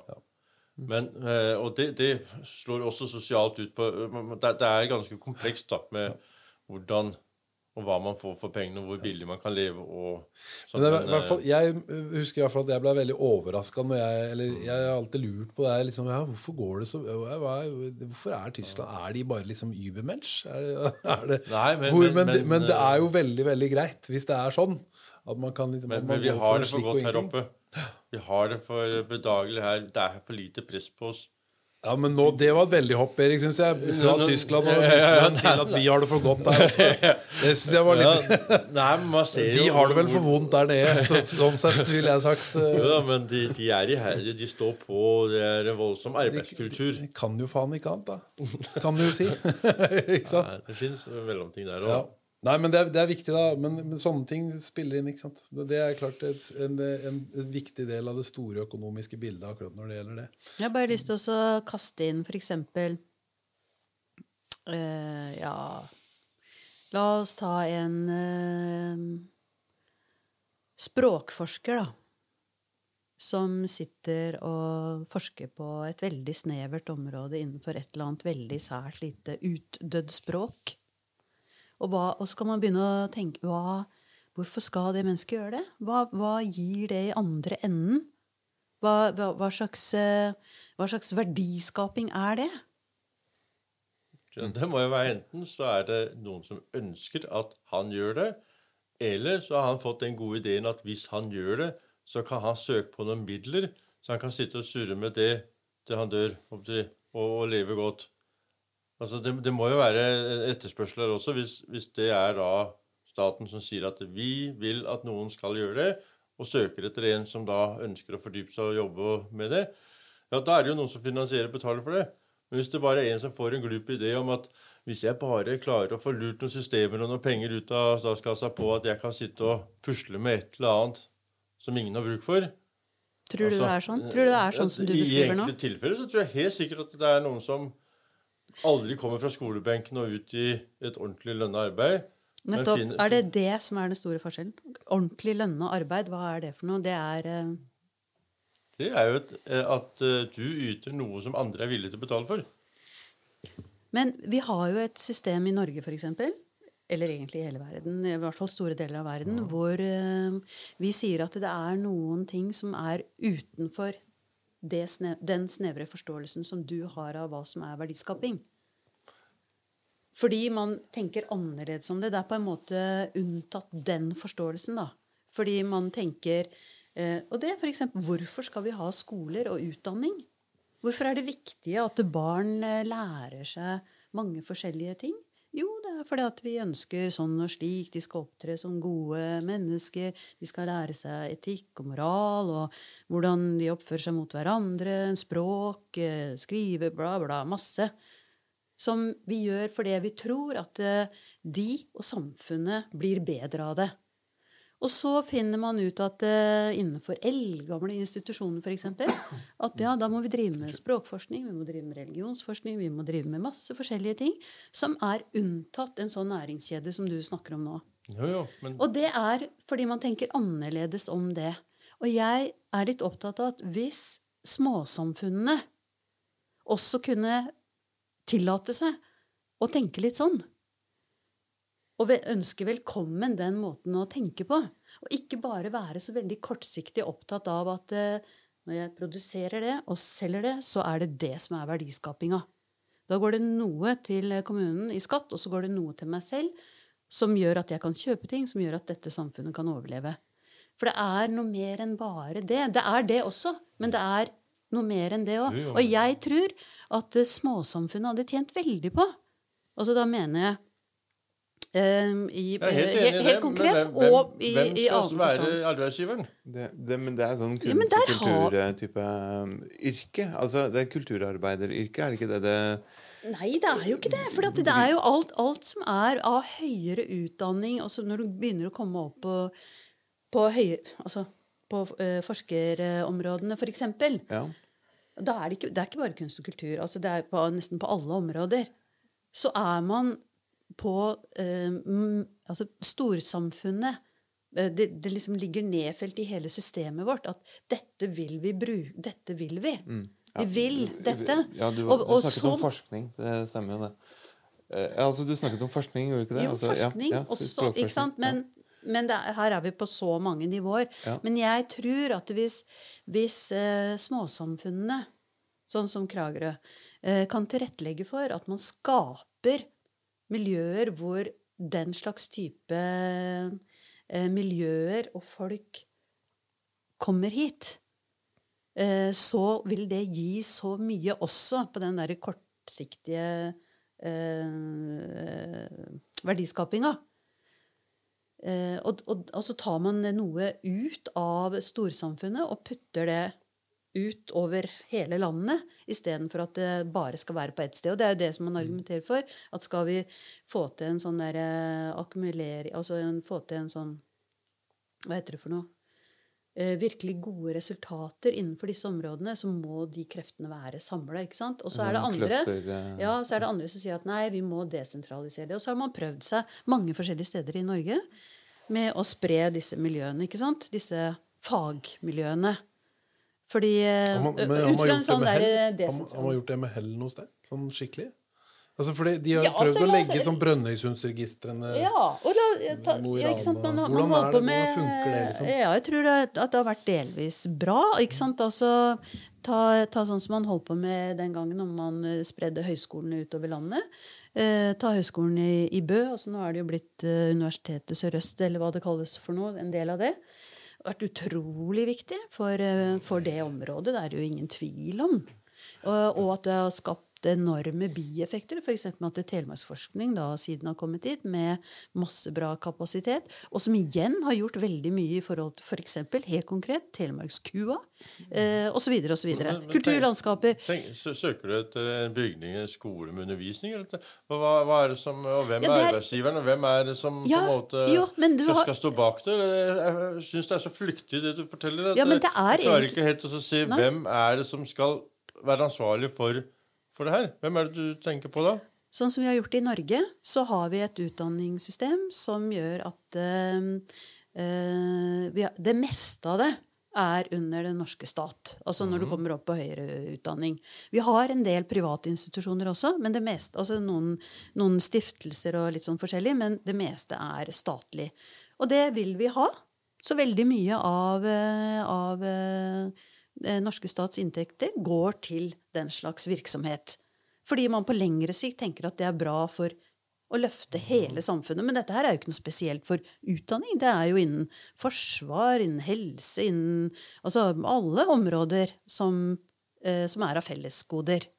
Og det er jo ikke bare i Norge. altså Dette her er jo over i hvert fall sånn hele den vestlige Sånn type verden. senter hadde vært fint å ha her, da. Hva sa du? Et sånn type senter som hvor man kunne ha den kompetansen eller utvikle Nettopp. nivået. Det er det jeg også etterlyser. Sånn, sånn, ja, så, si det da. Vi skulle hatt et sånt senter her som staten finansierer, og vi har noen forskjellige fagområder. Og hva kunne det være? Fordi det er det, det, er det jeg liksom tenker at eh, går det an uten at vi går i strupen på hverandre? At eh, nei, det er bare fagarbeid. Nei, det er bare høyere utdanning. Nei, men det at vi må bare- ha bare- Vi må er ha alt, jo, alt, alt kan komme med, men Jo, man må jo, bare se hvordan kan man faktisk finne en løsning. på- Totalt på, enig. sånn. Altså, Det hjelper ikke bare å ha gode ideer. Det kunne vi tenke oss, og det kunne vi tenke oss. Men hva er det som skal til for at det realiseres? Ja. Og det, Alt handler jo om det at du kan ha tusen gode ideer, men til syvende og sist det er den ene ideen som kan realiseres. Det er den som blir gjeldende. Altså, jeg forbeholder meg Altså, mitt talent er helt klart gode ideer. Og så overlater jeg det til andre å realisere de. Og, de, og tjene gode penger på det, selvfølgelig. Men uh, jeg har litt tenkt å sitte Trenger ikke tjene så mye penger. Men uh, og kom, jeg, og jeg er spandabel og sjenerøs med de gode ideene. Åpenbart. Sprer de rundt. og smink til. Nei, men jeg, jeg, det er klart, det. Det er, det, det er liksom begge Altså, jeg- deler vi ønsker oss. Jeg Det er sitter også og har tusen ideer, og sånt, men til syvende og sist er det det jeg skal leve av, det jeg skal sørge for å forsørge familien. Det er de ideene jeg faktisk klarer å realisere. Og der må jeg lage en prioriteringsliste. Og jeg kan ha 100 ideer på den lista, og den som er realiserbar for minst mulig penger, og som kan gi noe resultat igjen, det er den jeg realiserer først. Men tenker du at det er appliserbart for, et, Nei, for, et, for en kommune som Kragerø? Nei, Altså den, nei. det gjelder ikke for en kommune eller for en stat på, på samme måten. Men det er klart for meg som på enkeltperson, så er jeg nødt til å tenke på den måten. Men det er viktig å se at man faktisk har realiserbare ideer. At ikke det bare er eh, å, å kaste bort tida på Men dette her er jo eh, altså, ikke sant? Eh, Jeg kan sitte her og bable sånn, men, men eh, dette her er jo noe som er realisert veldig mange steder. Og jeg mener at det, det kan gjøres også i Kragerø. Men Ja. da må det gjøres et stort stykke arbeid for å få det til. Og man må ha de visjonene, man må ha den langsiktigheten. Andre steder så har de klart å få det til. Det er fullt mulig å få det til her også. Og jeg vet det er mange gode Ja, krefter Kragerø som har alle muligheter. har Kragerø. Ikke sant? Mhm. Så det, Det er så, ikke det det står på. Alle muligheter ligger her. Men det er noen som må gripe det er noen som må ta tak i det. Noen må, noen må gjøre noe. Men, men eh, i en første fase så er det vel eh, lurt å kaste opp eh, i lufta alle disse ideene. Eh, og så få frem flere. Og så Det er litt av ambisjonen med dette programmet, blant annet. skjønner du? Jo, jo, men, det men, jeg ser, få- men jeg ser jo det at uh, rekrutteringa i næringslivet la, la, Hvis du tar bare sentrumsbutikkene, da. Hvem unge er det som vil trå inn i det? Er det snart noen under 50 år som er i en butikk? Mm. sant? Det, er ikke- det, er er ikke ikke, det er ikke noe fremtid. Det Men det er, det er, jeg tror at du har helt rett. Og jeg tror at det, det som jeg har prøvd å si nå, på en måte bygger opp om det du sier nå. Fordi de unge nå de er ikke der at de vil gjøre det, akkurat det. ikke sant? De, er, de har reist ut. De har vært i Tatt masse utdanning. De har vært i, over hele verden. De har gjort mange ting. Og så skal de på et eller annet tidspunkt slå seg ned. Og de, så skal de begynne å jobbe, og de skal stifte familie, og de skal bo og alt det der. Og hva er grunnen til at de skal komme til Kragerø? For det, den utdanninga, de erfaringene, alt det de har vel, For veldig mange av de så er det ikke mulig her. Men det er det jeg mener at vi må jobbe for at det kan bli, da. Ja, Vi har jo snart ikke noe tilbud. Vi har ikke noe sykehus. Vi har ikke noe ting som Nei, vi, vi må er tenke litt annerledes rundt det. Antageligvis. hvis ikke de har kunder nok, ikke de kan eksistere, de, de basic-behova Jeg selv er jo fra Brevik, og der er det ikke apotek, det var ikke det, det var ikke det. Til slutt en sportsbutikk og en matvarebutikk igjen. Og alle reiste til Statelle. Og det kan fort bli litt sånn også, det er ikke noe grunn for å bli boende der for de basic-tilbudene som en familie som skal flytte dit, trenger. Og en sikkerhet og trygghet og alt det. Det er kanskje ikke det lenger. Men jeg mener, altså jeg er en ukuelig optimist. Jeg mener at eh, i Kragerø så er det i ferd med å skje fantastiske ting. Som, uh, som gjør at uh, er, Kragerø er under en, en transformasjon. Og det, jeg mener at f.eks. denne settingen som vi sitter i her nå, det er en av de tegnene på at noe er på gang. Ikke sant? For vi, vi sitter her og etterspør en del ting. Og vi gjør en del ting. Ta Daniel. Ta Knut. Ta deg selv. Ta meg. Eh, og det er mange andre også. Det er en sånn underskog av eh, mange som vil mye. Og jeg tror at det kommer til å skje eh, mye bra. Det er, det er min, eh, mitt tips. Det er, det er så godt å høre. Mart. Mm. Veldig godt å høre. For Jeg da, det at du er så optimistisk, gjør at det er lettere for meg å være pessimistisk. Da kan jeg, når noen tar det ansvaret, så kan jeg ta ansvaret for å ha eh, beksvart nattsyn på ting. Nei da, jeg, men, ikke, men bare for å veie opp litt. Når hvis det blir for mye positivt. Ja, Men jeg tror også, jeg er helt enig med deg. eh, og så tror jeg at det også er noen skyer. Men jeg tror det er en sol. Og så tror jeg man må få til Og det, det tror jeg egentlig det har vært mye, og mulighetene er mange.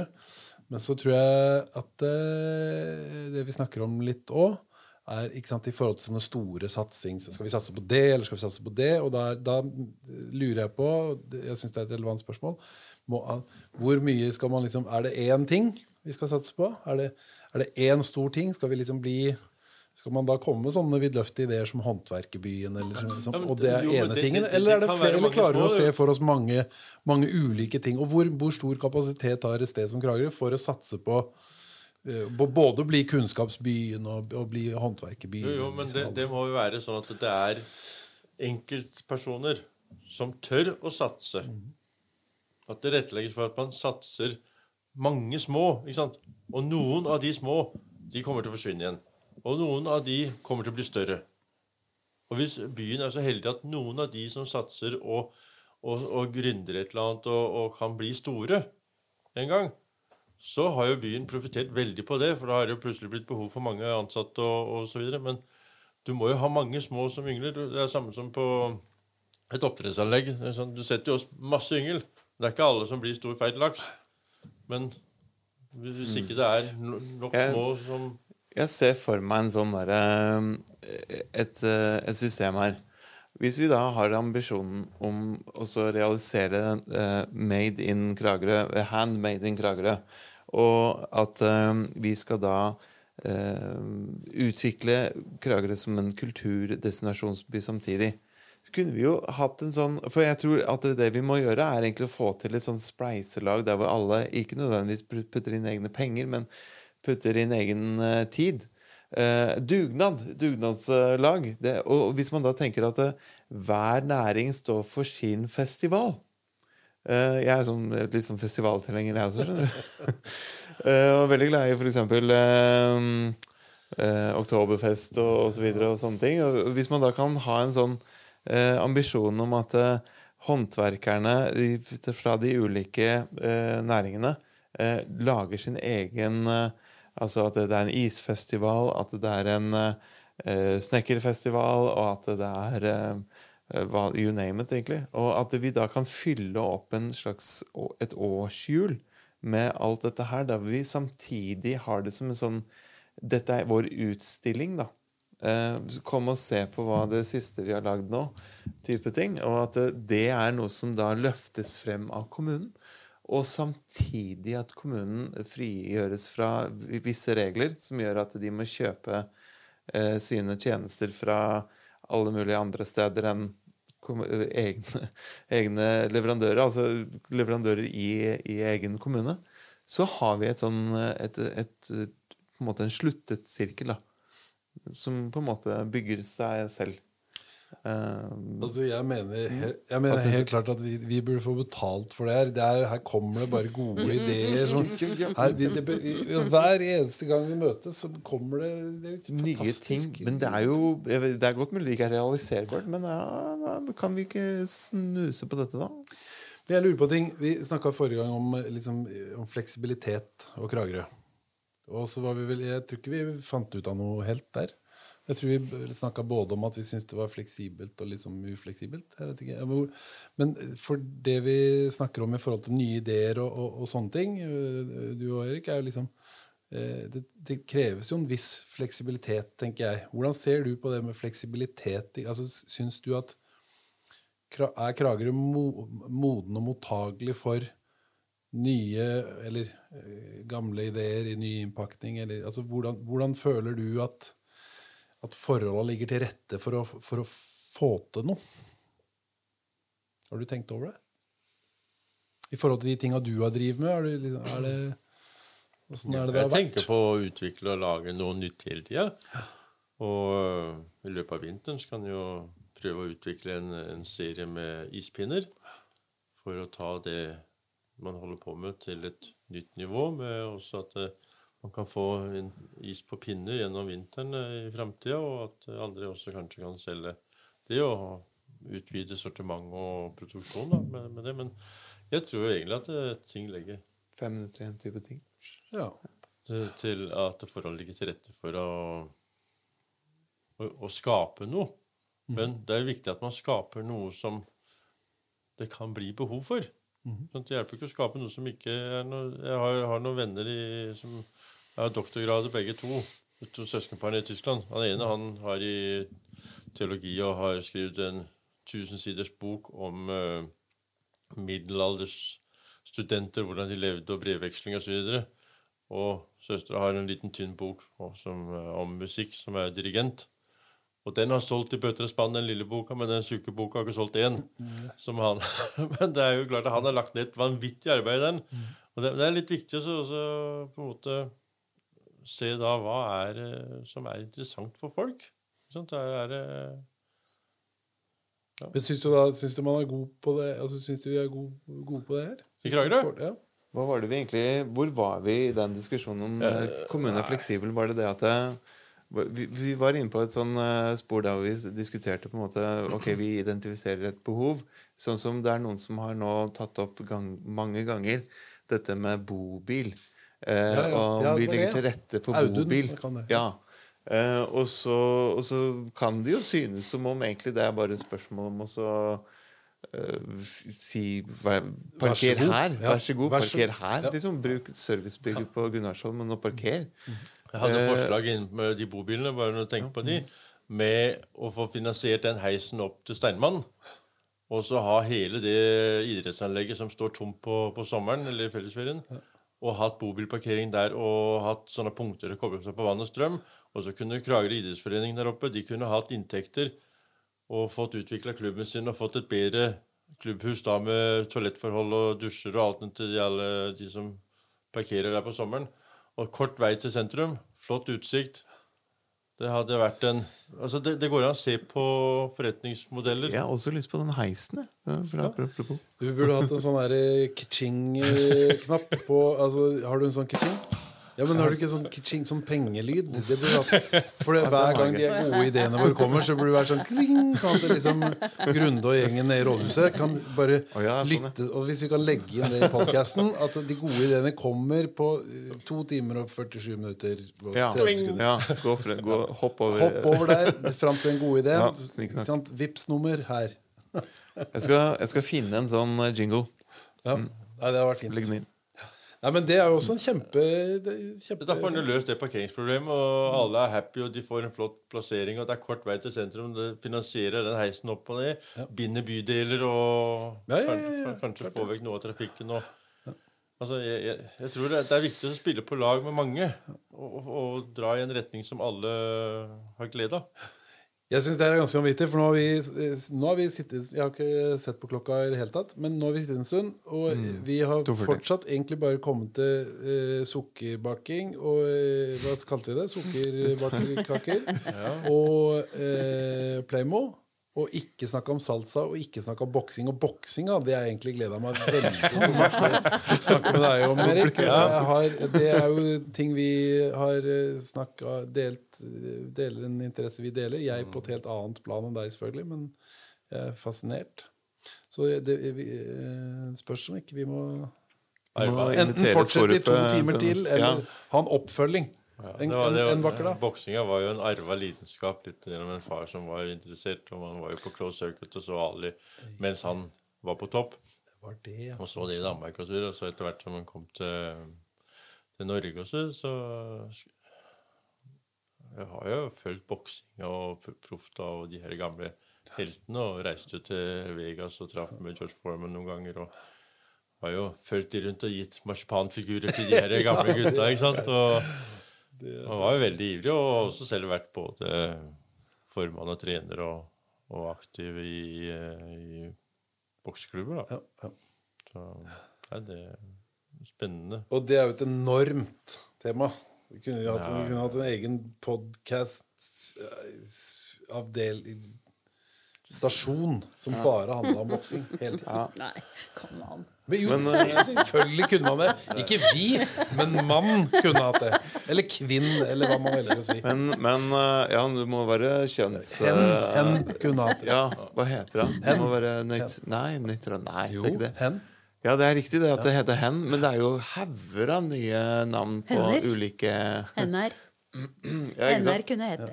Holdt på å si hun og hen og han og Jeg må eh, legge til det på den boksinga da, at jeg har vært i, spilt fotball og håndball og bordtennis og mange forskjellige ting. Og vært bra miljøer, men ingen miljøer har vært som i bokseverden. Ikke sant? Det er en helt annen ærlighet, redelighet til, til det og til seg selv og til det man uh, må gjennom og, og og gjøre der. Og kameratskap.